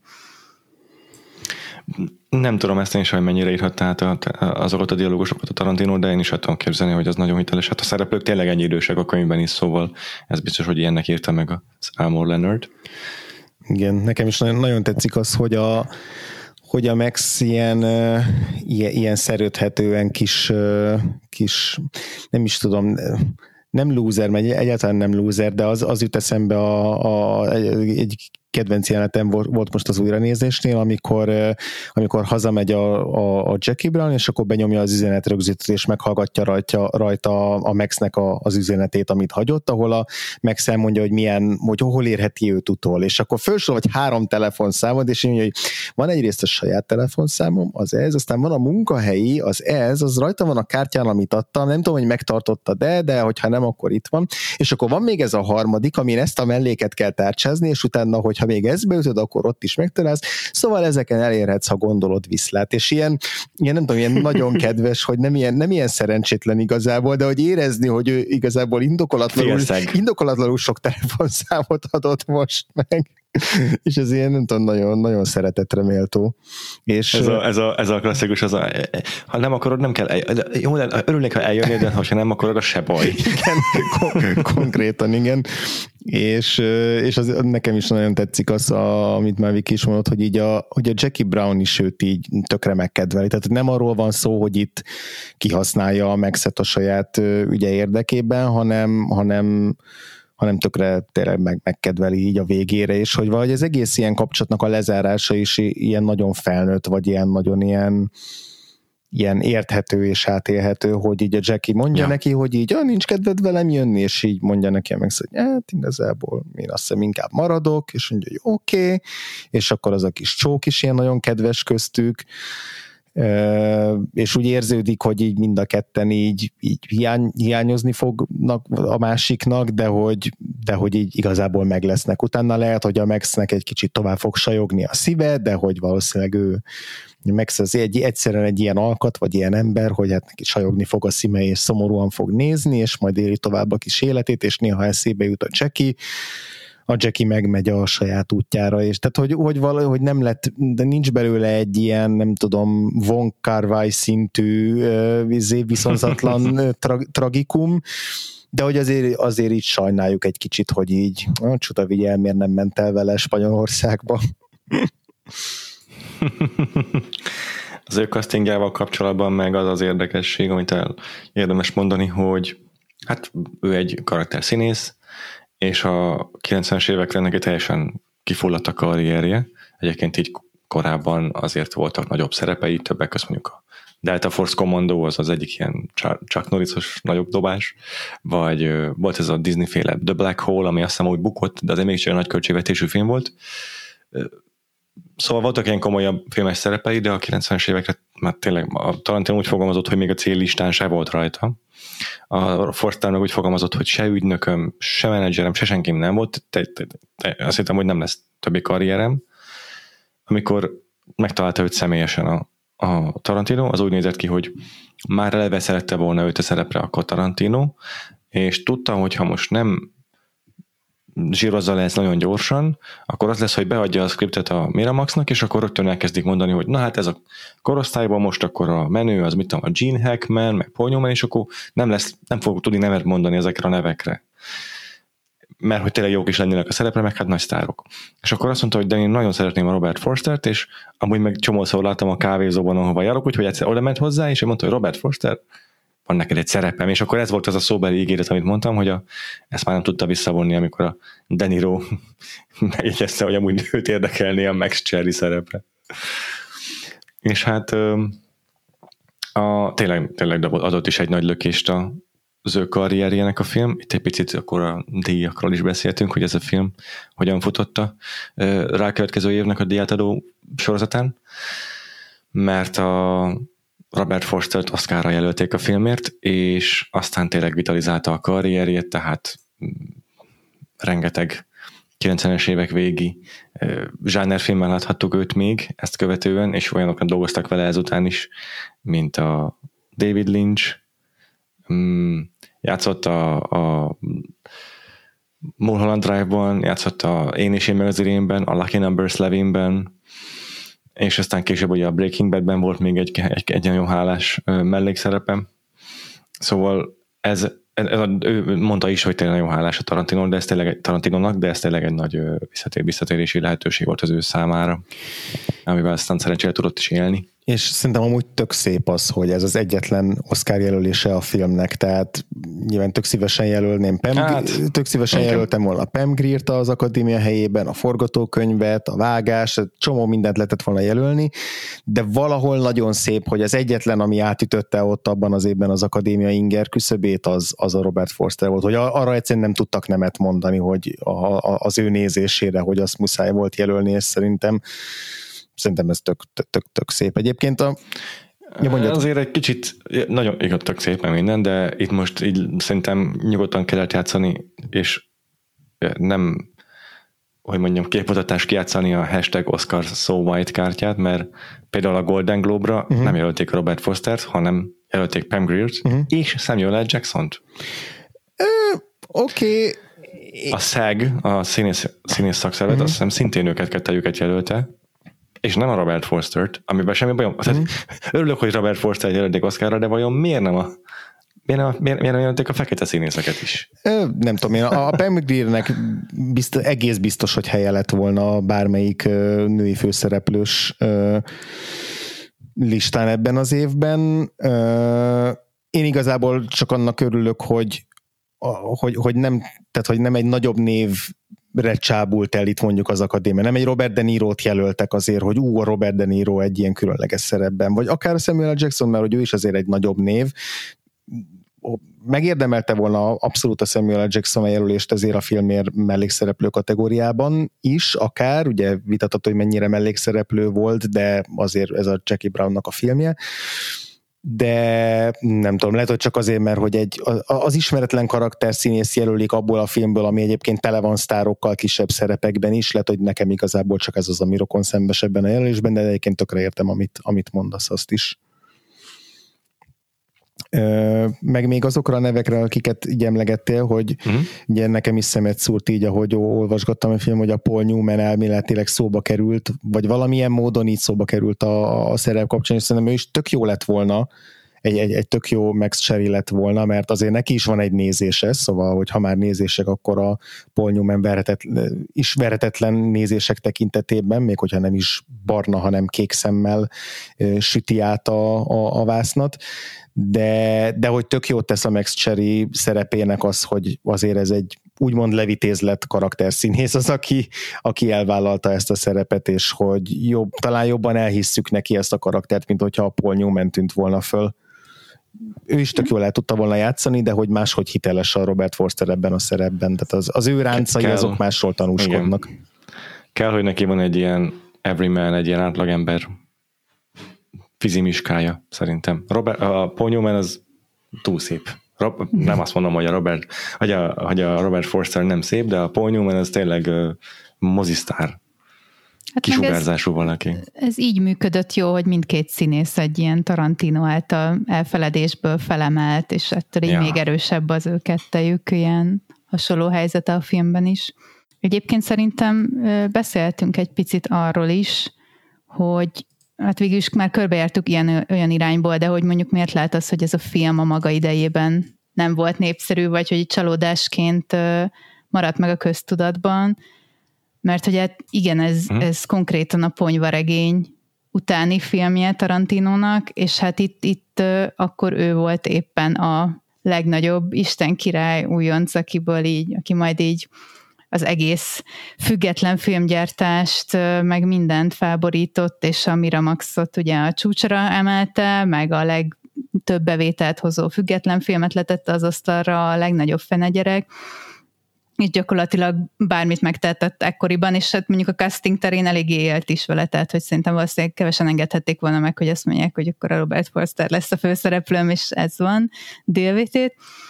Úgyhogy ez egy ilyen ebben, ebben a kontextusban érkezett meg, ami szerintem nagyon más lehetett, mint mondjuk a, volt egyszer egy Hollywood, ami szerintem, ha valamihez kötni lehet ezt a filmet Tarantino életművébe, életművéből, akkor én ahhoz tudnám kötni hangulatban, de hogy tényleg egy ilyen nagyon meglepő dolog számomra, hogy ennyire fiatalon, meg ennyire hamar, meg ennyire ponyvaregény után már egy ilyen tök más érett típusú filmet csinált, és erről egyébként ö, olvastam még tőle egy jó idézetet, hogy ugye tudta, hogy a, ugye ez a Jackie Brown idején mondta, hogy tudta, hogy így a ponyvaregény fölé nem lehet lőni, tehát hogy így nem, nem lehet, az, hogy most azt übereljük, hogy akkor alálőtt, és hogy tényleg ez egy olyan típusú sztori, ami egy ilyen karakter tanulmány gyakorlatilag, így szoktak mindig rá hivatkozni, nem pedig egy ilyen hatalmas, őrült narratív játék és, és idézetgyűjtemény és műfajkeverék, posztmodern film.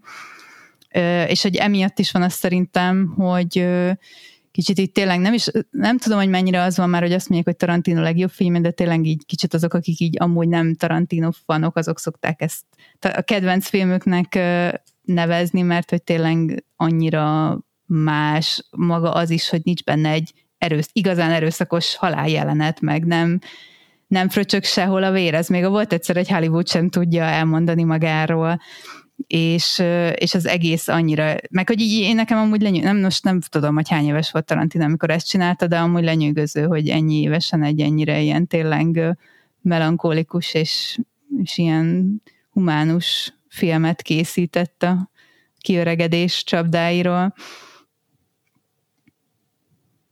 Ez, ez számomra is a legmeglepőbb talán, hogy mennyire jól, mennyire éretten mm, sikerült a tónusát megragadni ennek a filmnek, nem csak a script, hanem a rendezésben is szerintem megvan ez a kellő tempó, kellő stílus, hogy, hogy megadja azt, hogy tényleg 40 éves, 40 év fölötti főszereplőket nézünk. Hát igen, 63-as születésű, 94-ben jött ki a ponyvaregény az meg 97-ben, úgyhogy akkor azért olyan 31-2 évesen kezdte el ezt írni szerintem. Um,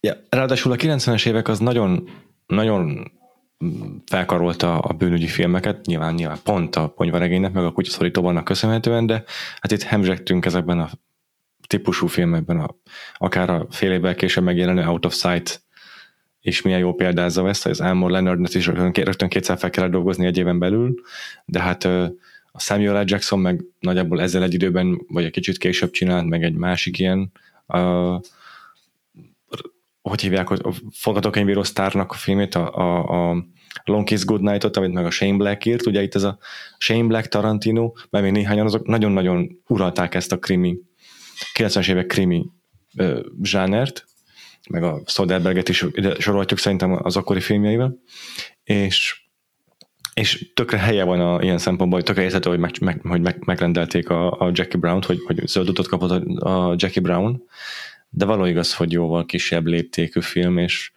mm, ilyen szempontból szerintem is nagyon meglepő húzás, és ha megnézed, akkor tényleg a következő, meg a két részes Kill Bill, ami meg ilyen 16 filmet izé, omázsol egyszerre, hogy ö, itt most egyet visszalépett, hogy aztán meg ötöt előre léphesse a Tarantino. Ez is egy váratlan vagy furcsa húzás, hogy kellett neki egy ilyen kis fellélegzés, vagy egy ilyen kis visszalépés, hogy aztán a Kill Bill megcsinálja, amit szintén számomra furcsa. És hát ez az egyetlen feldolgozása a Tarantinónak, az egyetlen, ami az kért, amit, ami adaptáció. Igen, pont ezt akartam én is mondani, hogy, hogy, hogy ez egyetlen adaptáció, és ráadásul oké, okay, hogy ő valószínűleg falta el Leonard könyveit, és hogy így hatott is rá, meg valószínűleg a, felismerte azt, vagy látta azt, hogy az Elmer Leonard írói stílusa az nem áll olyan borzasztóan távol a, a, attól, amit ő képvisel, tehát hogy könnyen tud majd igazodni hozzá, de nem arról volt szó, hogy fogott egy könyvet, és teljesen kiforgatta, és teljesen áttarantinósította, és aztán már föl se ismerik az eredetit, hanem hanem azért nagyon hű tudott maradni az Elmer Leonard stílusához, ahogy a, a, a, ahhoz, ahogy az ő szereplői beszélgetnek, amiben azért, ha csak a többi Elmer Leonard feldolgozást nézzük, mondjuk a Justified-ot azért abba is megvannak ezek a jellegzetes így, így körkörösen beszélnek a szereplők, és hogy, és hogy nagyon frappánsan, tehát hogy nagyon dialóg központúak a, a Leonardnek a könyvei, nagyon a, a párbeszédeknek ez a élőbeszédes ritmusa, de közben mégis nagyon jól meg vannak alkotva, nagyon szellemesek ezek a párbeszédek, ez, e, e, ezt, ezt, ezt nagyon jól meg tudja őrizni, szóval, hogy szerintem ilyen szempontból is izgalmas kivétel talán, vagy kuriózum a Tarantino karrierjében, meg egy érdekes az ő személyiségéről is, vagy az ő írói, rendezői attitűdjéről, vagy mentalitásáról is, hogy oké, okay, persze Tarantinónak van egy hatalmas egója, amit, amit így képvisel így a filmjeiben, meg egyébként is, de hogy azért meg tudja csinálni azt, hogy van egy alapmű, és akkor nem az az első dolga, hogy ő, ő itt most ebbe be, belefúrja magát, meg beleszuszakolja magát mindenhova, hanem, hanem ő tökre rajong ezért a, ennek a, az írónak a stílusáért, és akkor persze egy kicsit a saját szája ízére formálja, de hogy hogy ebben a filmben tényleg megcsinálta azt, hogy akkor én most egy Elmer Leonard sztorit viszek vászonra, és szeretném, hogyha ez úgy néz neki, úgy szólna, olyan lenne, mint amit én olvastam, és aztán persze majd belerakom a saját kis popkulturális utalásaimat a magam módján, de tényleg, hogy ti is mondjátok, ezt nem nyomja agyon a film. Tehát, hogy benne van a Black Exploitation, Aha. benne vannak a zenék, benne van mondjuk igen az a, az a jelenet, amikor a kanapéról elemzik a, a, a Chicks with Guns videókat, de hogy igazából ez azért jóval kevesebb, mint ami a bármelyik másik Tarantino filmre igaz lenne. Így van. Minden szempontból szembe ment az elvárásokkal a Tarantino, tehát a Tarantino eddigre úgy definiálták ahogyan a Nolannél is később megvoltak ezek a dolgok, hogy na, az első két film alapján már tudjuk, hogy neki minden filmjében lesz majd időkavarodás. Tarantino is ez volt, hogy na, biztos majd akkor nem non-lineárisan fogja mesélni a cselekményeket, meg sok főszereplő, meg hasonlók, és mindezzel szembe ment itt a Tarantino, itt egy pici játék van csak az idővel, hogy egy jelenet sort az három különböző szemszögben mutat meg egymás után, és nem, nem cross-cuttinggal, nem úgy, hogy egymás után többször vált a jelenetek között időben, hanem, hanem egymás után szép sorban. De amúgy meg teljesen lineáris a film, meg egy, egy, egy igazából a főszereplője, vagy legfeljebb kettő, hogyha úgy nézem, de nem az van, hogy akkor sok szereplőt kell mozgatni különböző helyszíneken, mint a ponyvaregény esetében, szóval minden szempontból egy kisebb lépték, meg az ő, úgymond az rendezői szempontból is egy kisebb vállalás, és ez, ezek szerintem azok az okok, amik miatt ez a film aztán nem lett akkora ö, siker. Ö, Tarantino egyébként tipikusan az a fajta rendező, aki nagyon analizálja a saját műveit is, meg így kíváncsi a feedbackre, kíváncsi a, vagy a nézői visszajelzésekre, meg a kritikai visszajelzésekre is, és azokat is így internalizálja, meg nem, nem utasítja el, és, és azért a saját tapasztalata az volt, amikor beült így moziba a saját filmére többször is, hogy, hogy azért a fekete közönség, főleg az idősebb hölgyek, azok nagyon-nagyon szerették ezt a filmet, hogy a Penguin alakítását, meg az ő karakterét, azt, azt rajongtak. És akkor a fiatalabb fehér nézők meg hosszúnak találták a filmet, lassúnak találták a filmet, szóval ezek elő is tisztában van, de ezek nyilván teljesen tudatos döntések és egy vállalás volt az ő részéről. Én nagyon tudom értékelni, mikor egy rendező azt mondja, hogy úgy használom ki ezt a Bianco csekket, amit kapok, hogy nem emelem a tétet, hanem megcsinálok valamit, ami, ami számomra jelent többet. És a Tarantino számára ez a film igazából a beérés filmje, amit az is képvisel, hogy sokkal érettebbek a szereplők, amiket megír, és ez látszik a filmen is, de másrészt meg az ő szakmai fejlődésében is egy ilyen fordulópont, mert ő maga azt mondta, hogy ekkor lett professzionális rendező. Mm. Tehát egész eddig az első két filmje az szerint egy amatőr rendező munkája volt. Most ez nem azt kell ez alatt érteni, hogy szerencsétlenkedett, vagy rosszul van meg megrendezve azok a filmek, hanem mint rendező, ő nem volt annyira nyerekben, nem volt annyira a helyzet magaslatán sok tekintetben, és azért az, hogy itt mondjuk egy Robert De Niro-t rendez, szerintem ez is rengeteget hozzájárult ahhoz. De hát így már sokkal inkább érthető az, hogy utána miért veszi a, hogy mondom, a, a, a bátorságot, hogy neki álljon egy ilyen sokkal nagyobb léptékű produkciónak, mint a két részes Kill Bill. Hogy lehet, hogy pont ez kellett hozzá mégis.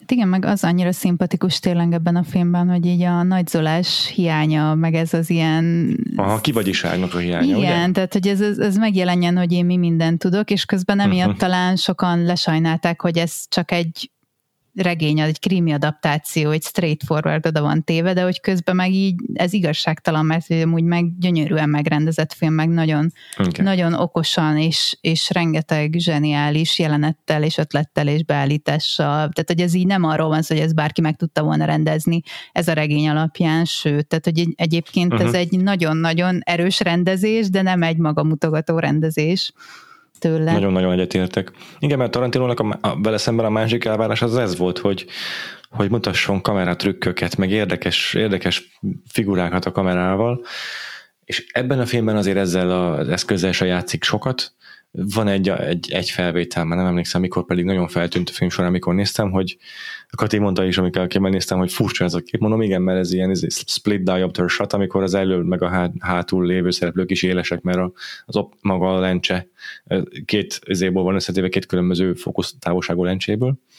Ez ilyen depalmás dolog főleg, de uh, volt egy jelenet, amikor meg osztott képernyővel mutatott valamit, de az se arról szólt, hogy most akkor két akciót látunk egyszerre lezajlani a képernyőn, és mennyire izgalmas, hogy ezek egyszerre mennek, hanem, hanem ilyen tök nyugodt az, egy, az egyik a Robert Forster volt a kocsiban, ahogy ül, és csak az arcát veszi a kamera. Szóval ez is egy ilyen, egy ilyen nagyobb lélegzetű kép volt, és nem, nem egy ilyen nagyon izgalmas, pörgős valami.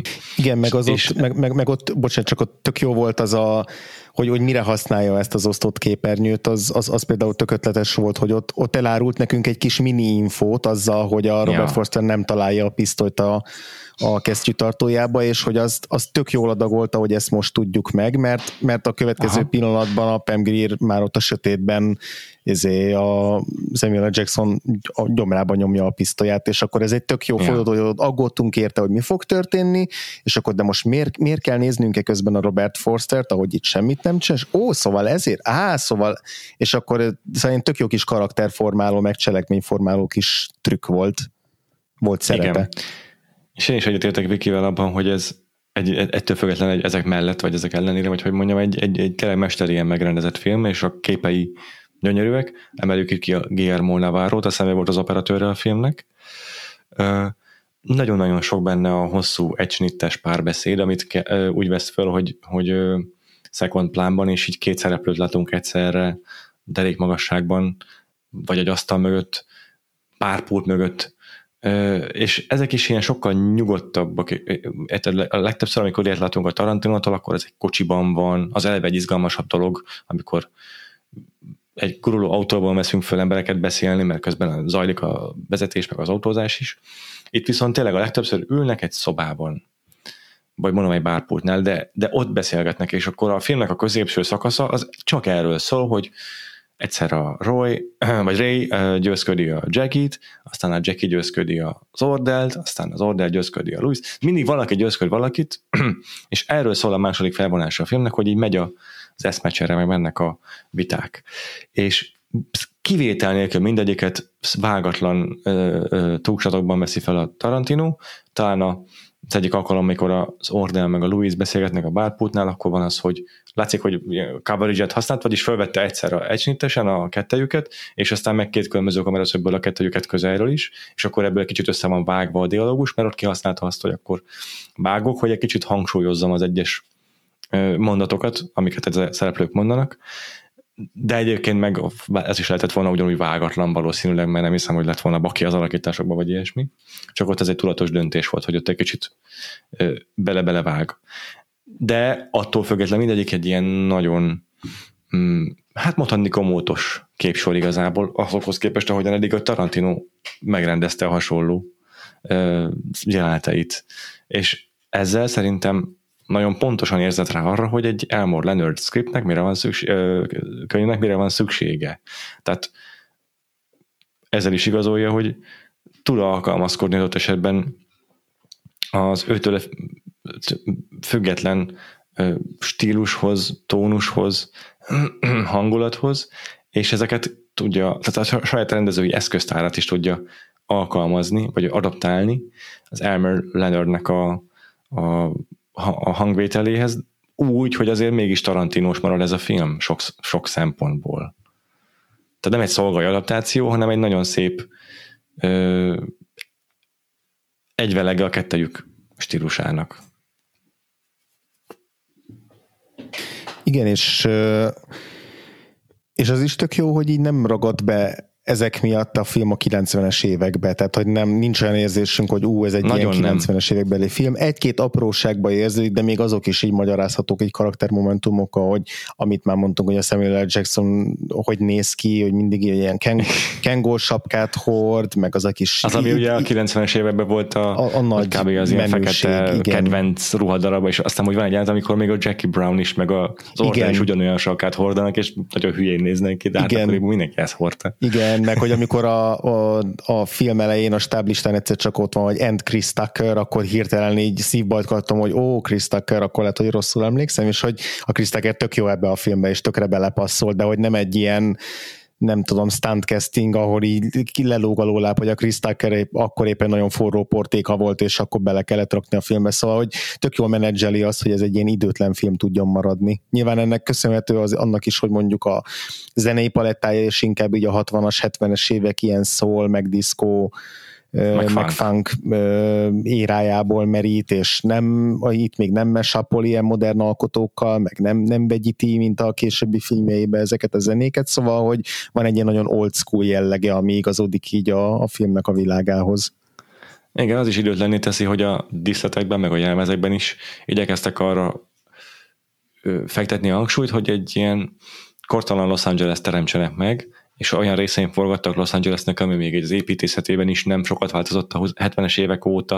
A legtöbb autó, amit látunk, az legfeljebb 80-as gyártású, tehát nagyon-nagyon régi, ilyen kocka típusú, kocka alakú amerikai autókat látunk. Konkrétan az, az, az Ordel megy, az ugyanaz az autó, ugyanolyan, ugyan, ugyanolyan autó, mint amit a Bruce Willis vezetett a Pulp Fiction-ben, ez egy 80-as gyártású kocsi. És hogy nagyon sok szempontból ezt a 70-es éveket idézi meg, ezzel persze a Black Exploitation-re is reflektálva megint csak, de ugye a Tarantinónak ez a kedvenc érája, a kedvenc helyszíne a Los Angeles, és ezzel együtt, hogy egy ilyen időben megállt Los Angeles mutat be, ezzel is elősegíti, hogy egy kortalanabb filmet alkosson meg. A diegetikus zene a filmben ugye az is inkább 70-es évek, tehát a, amikor a Robert Forster zenét hallgatott a, a kocsiában, az is mindig valami régi album, szól zene általában.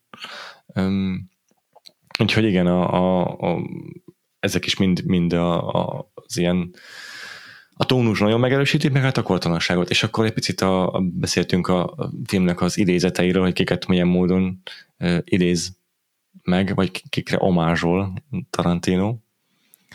Mert ugye a legrosszabb ára, ami szokta írni a Tarantinot, az az, hogy nincs egy, egyetlen egy önálló gondolata se, hanem mindig más rendezőknek a képeiből montírozza össze a saját filmjeit.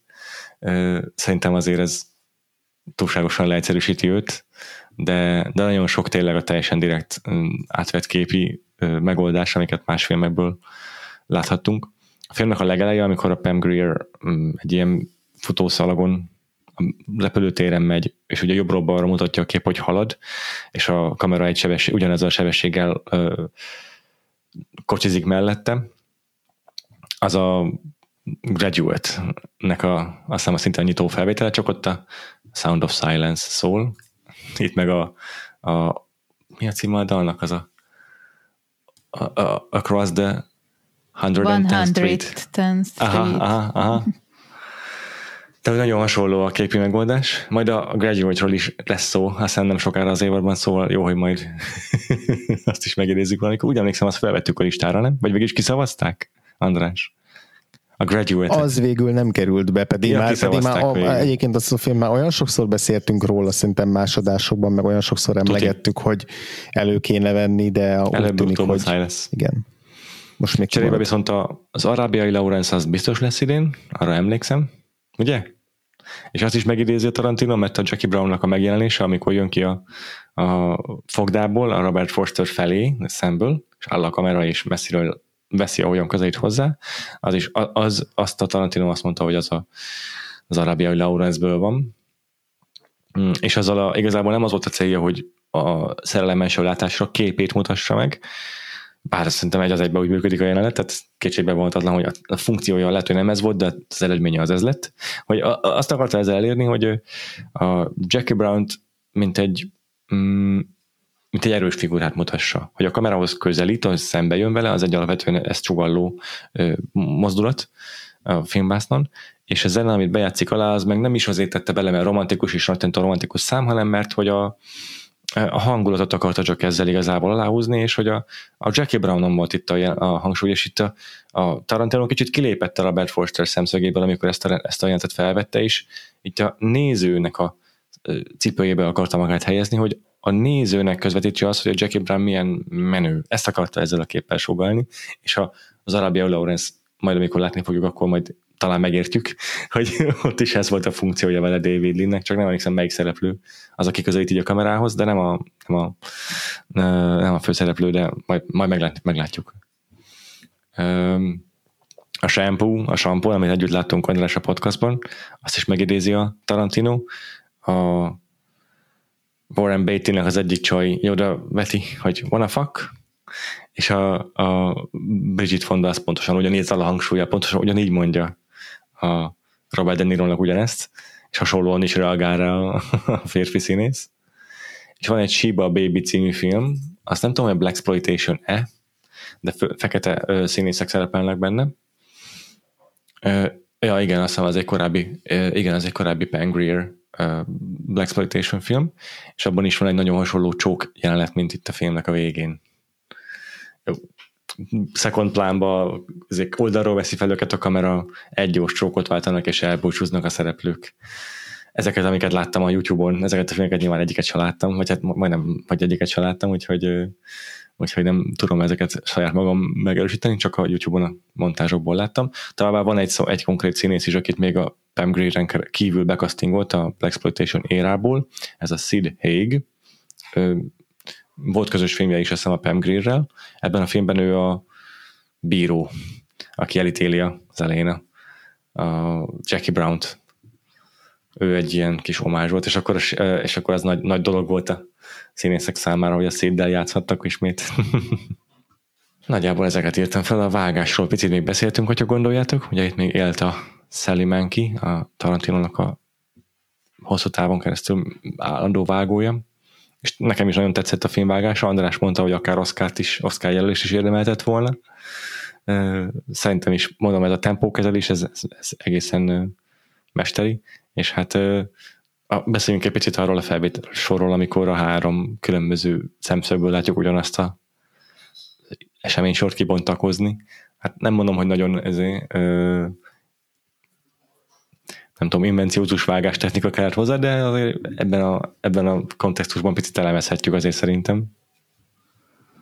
Arra a jelent sor, szerintem az igaz, mint az egész filmre, hogy ilyen nagyon elegáns és lezser, és hogy ez a, amir, amiről már beszéltünk, hogy ennek a kivagyiságnak a hiánya jellemzére, hogy úgy, úgy nem, nem is virtuóz, hanem hogy ilyen, ilyen tényleg ilyen hanyag eleganciával van megrendezve, de hogy azon belül viszont egy tökéletesen követhető és, és indokolt a, a jelenet sor, és tök jó, hogy a, amikor először nézzük végig, akkor ott látjuk az összes olyan mellékszereplőt, akinek aztán a szemszögéből újra fel fogjuk göngyölíteni azt, hogy pontosan ott mi történt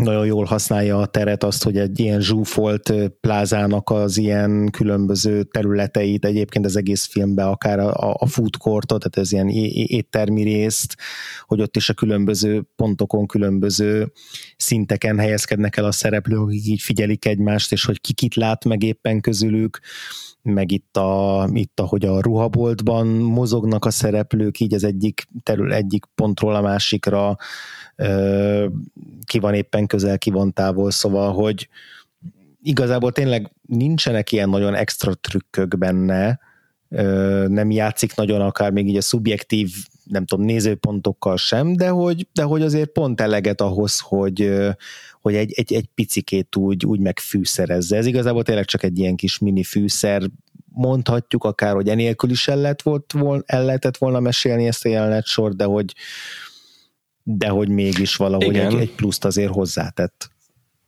Igen, egyetértek, de leginkább amiatt, hogy mennyire lazán és legerül csinálta meg ezt a Tarantino, hogy szerintem teljesen jól megfogalmaztad ezt. És akkor egy picit a film utóéletéről még beszéltünk, hogy a, a Oscar azt említettük, meg a többi díjatolót említettük, de hát a mozipénztaraknál se lett akkora siker, mint a, a korábbi Tarantino film, a, a ponyvaregény. Tehát azért ezt nem teljesen a, a, annak a számlára írhatjuk, hogy nem teljesen ezt várták a nézők. Szerintem a Tarantino lehet, hogy addigra már azért mm, talán ki tudott alakítani magának egy olyan renomét, hogy a nevére is be, be, be, beülnek emberek a moziba, csak hát sikerült egy bizonyos naptári napra időzíteni a film premierjét 1997 karácsony napjára, amikor a Titanicnak volt a premierje. Oh no. Úgyhogy ezt ledózerolták, egy ledózerolta egy több száz tonnás óceánjáró sajnos a moziból. Egyébként itt se volt bukás, tehát azért senki nem állítja azt, hogy ez veszteséges lett volna ez a film. 12 millió volt a költségvetése, és 39 millió dollár csinált a mozipénztaraknál, szóval azért Harvey Weinstein nem elégedetlenkedhetett. Csak hát nem volt egy óriási kirobbanó siker, mint mondom, ponyva regény, de szerintem utólag azért szépen mm, szépen visszahozta az árát a utólagos forgalmazásban, másodlagos forgalmazásban, plusz hát a Tarantino karriernek azért a későbbi filmjei meg jól mutatják, hogy egyáltalán nem szenvedte meg ennek a filmnek a, kisebb, kisebb visszalépése az ő karrierjét. Úgyhogy mind a játékidő, mind a, mind a téma ellenére ez egy ez egy um, alapvetően sikeresnek mondható film szerintem. És én is örülök, hogy végre bepótoltam, mert így elkészíthettem a Letterboxd listámat a rendező életművéről. Amiből egyébként szégyenli oldalon kevés listám van még, mert nem sok, nem sok komplet rendező életművet láttam még. De hát azért van ez a Vagfolt podcast, hogy ezen dolgozzunk. Hát nem minden rendező dönt úgy, hogy maximum tíz filmet készít, és azért nehéz, ez képben lenni. Egyébként most valamit mondott a Tarantino, csak nem láttam a komplett interjút, de egy ilyen elkapott kis részletet láttam a Tom Segúrának a podcastjában, mert ugye mindenkinek van már podcastja, hogy van egy nyolc epizódos tévésorozat skriptje is. Azon kívül, hogy most csinálja ezt a The Film Critic-et.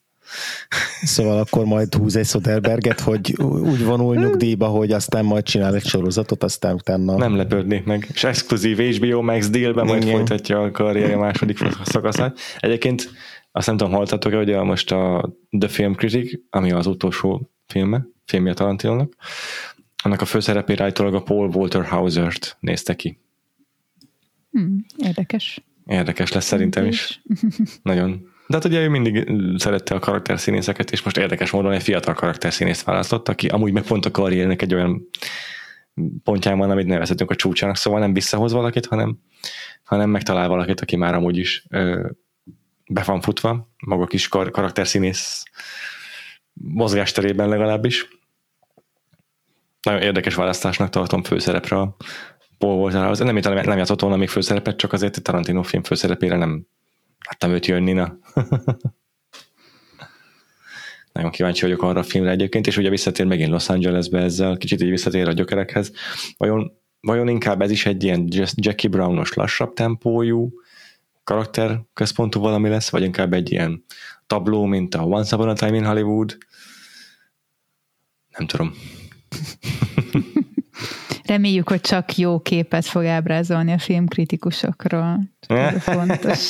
Biztos vagyok benne, De... Tarantino maga is bármelyik nap felcsapatna filmkritikusnak, ő tényleg nagyon, izé, nagyon értékeli ezt a szakmát, ő szeretne beszélgetni filmkritikus, szokott is beszélgetni filmkritikusokkal, szóval nem, ő aztán nem, nem az a fajta rendező, aki így kizárja a kritikai visszhangot az életéből, meg, meg mit hanem ő, ő követ podcastokat, olvas cikkeket kritikusoktól, név szerint tud egy csomó kritikust, és olvassa őket rendszeresen, szóval ő, ő, ő, ő értékeli ezt a szakmát. És, és mondom, maga is mm, él vele. Na még egy dolgot akartam a filmnek a, a, a szereposztásáról, csak nem akartam magában a kasztos blogban, mert annyira nem volt fontos, de a Robert Fosternek van egy munkatársa, az is egy jó kis karakter, ugye a fekete bőrű Bond. Igen. Nem tudom, hogy hívják ezt a munkát, amit elvégeznek, de hogy neki is van egy darab cselekménybeli szerepe, hogy elmondja, hogy nekem az a dolgom, hogy embereket megtalálok. És ezt így nem magyarázzák el, csak így elhangzik kétszer a filmben, hogy tud, hogy ő neki ez a dolga, hogy az ő embereket talál meg. Ezzel meg van magyarázva, hogy hogy talált rá ezért, igen, az orderre. Igen, igen, és ennek, ennek az egésznek annyi a felvezetés, hogy a film elején, amikor először bemegy hozzá az ordel, akkor nézi a képeket a falon, és akkor így, hát ki ez a, ki ez a fekete dúdít veled? És így, ja, amúgy ő így a társam, és így oké. Okay. ja, ja, ja, aha. Ennyi, ennyi a és felvezetése. A Tony Tiny Lister Junior játsza, nem tudom, ti felismertétek-e őt más filmekből, ismerős volt számotokra? Igen, két, a, két emlékezetes a Dark Knight volt az egyik, szerint a Dark Knight-ból az a, az a rab, aki a végén nem nyomja meg a gombot, az a... Kidobja a detonátort a hajón, vagy a kompnak az igen, ablakán. Igen, igen, Bizony, igen. Nekem onnan volt meg elsőnek, de aztán rájöttem, hogy ő volt az elnök az öt, ötödik elemben. Majd nézzétek meg a felvételt, egy, legalább egy képet egy Google kereséssel, de rögtön be fog nektek is ugrani szerintem a karakter. Amúgy egy ilyen egykori bankrátorból lett színész, és pár éve hunyt el, úgy emlékszem. De hát igen, ilyen... A... Ja, csak csak ennyi, ilyen, ilyen, ilyen egy-két, egy-két nagyobb szerepe van neki valójában, de sok, sok, sok mindenben szerepelt e, ezek mellett is. De mondd csak, Viki. Nem csak, hogy ez a bail bondsman, vagy nem tudom, óvadékügynök, mm. vagy ilyesmi fordításokat találtam rá, ez is olyan volt, hogy én szerintem ebbe a filmbe találkoztam vele úgy, hogy így érdekelt is, hogy ez mi, vagy hogy volt, volt annyira fontos a plot szempontjából, hogy ez, ez mégis mit csinál, meg ez, ez miért van. Aha. És ez tényleg megint Azt egy a... ilyen, ilyen Amerika furcsaságai realizáció volt, ami az ember életében így sokszor előjön, hogy így találkozik ilyen dolgok, hogy ott hogy működik, hogy Abszolút működik az van. élet. Azt hiszem a Midnight Run, tudod, Robert De Niro mm-hmm. meg a Charles Grodin filmje, aztán abban is valamelyiküket, vagy egy harmadik karaktert egy Bale Bondsman, szóval abban is van egy Bale Bondsman, én abban hallottam erről az egészről először, de akkor még nem értettem, és most ebben már jobban megértettem, mit csinál, mert ebben legalább elmagyarázták. De igen, ez tényleg egy ilyen nagyon bizarr foglalkozás. tényleg csak Amerikában elkezdett, ezt tök jól mondod. Jó van. Szuper.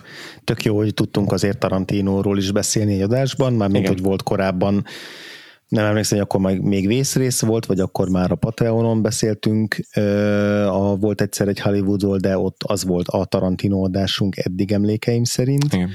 És akkor Igen. most, most legalább itt a fő feedben is tudtunk ejteni róla néhány szót.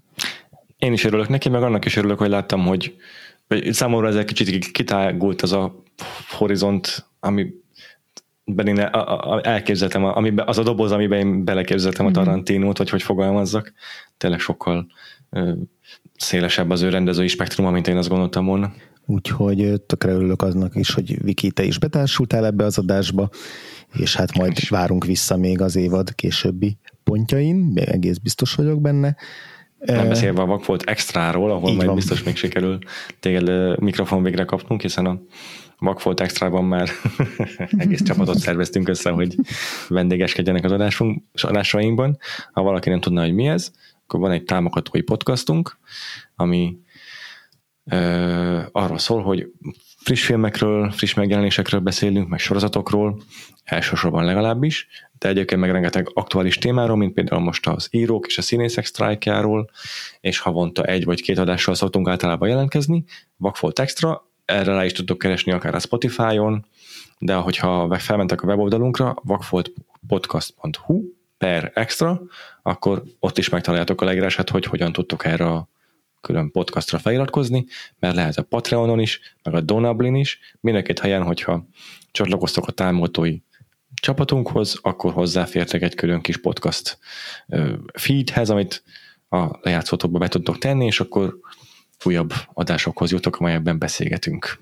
Még egyszer, tehát vakfoltpodcast.hu per extra. Legutóbb ilyenekről beszéltünk, mint a legújabb Mission Impossible film, de volt adásunk a az Oppenheimerről és a Barbie-ról is, amiben szintén hallottátok Vikit, meg mellette Gyöngyösi Lillát is, továbbá a legutóbbi animációs pókemberről is beszéltünk, a nyáron a legfontosabb blockbustereket azért igyekeztünk lefedni, és ezen mellett pedig rendszeresen jelentkezünk, mondom, egyéb adásokkal is, nem csak kibeszélőkkel, amelyben két órában beszélünk ki új filmeket, hanem mindenféle egyéb adás típussal is, szóval utoljára még, még egyszer elmondom, vakfoltpodcast.hu per extra, mert tudom, hogy ha valamit háromszor mondanak el az embernek, akkor az biztos meg is marad.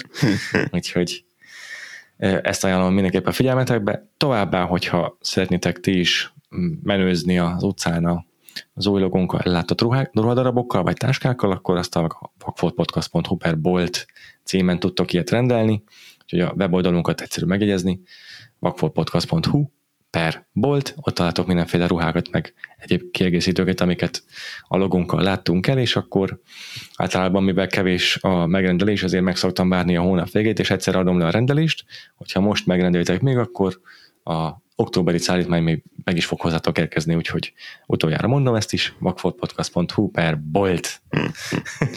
Megidéztél most már mindenféle mumusokat ezzel a hármas ismétléssel. igen, igen és akkor az x.com-on mind a hármunkat elérhettek. engem nem, engem csak a Twitteren lehet elérni.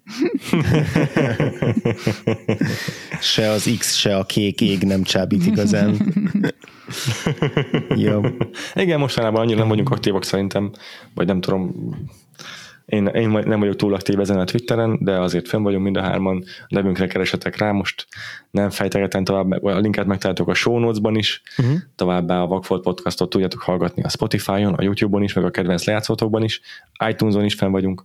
Az iTunes-on meg a Spotify-on lehet bennünket csillagokkal értékelni, minden egyes csillagnak nagyon-nagyon örülünk, úgyhogy ha ö, adtok rólunk egy visszajelzést, azt nagyon megköszönjük és akkor két hét múlva jön az újabb adásunk. Így van, még maradunk a March Madness-es blokknál, még ugye két film van hátra a top négy rendező életművéből, és két hét múlva visszatérünk egy olyan rendezőhöz, akivel már foglalkoztunk, és egy olyan filmről, filmjér, ről fogunk beszélni, amit már szintén szóba hoztunk, de még csak úgy, hogy ú, ezt azért nagyon meg kéne most már nézni, és akkor ez a rendező pedig Stanley Kubrick és a Dicsőség ösvényei lesz az a film, amit végre megnézünk tőlük. Én még nem láttam, Péter. Én sem. Úgyhogy akkor Én ez sem. most egy olyan film lesz, ami egy, mind a kettőnknek újdonság.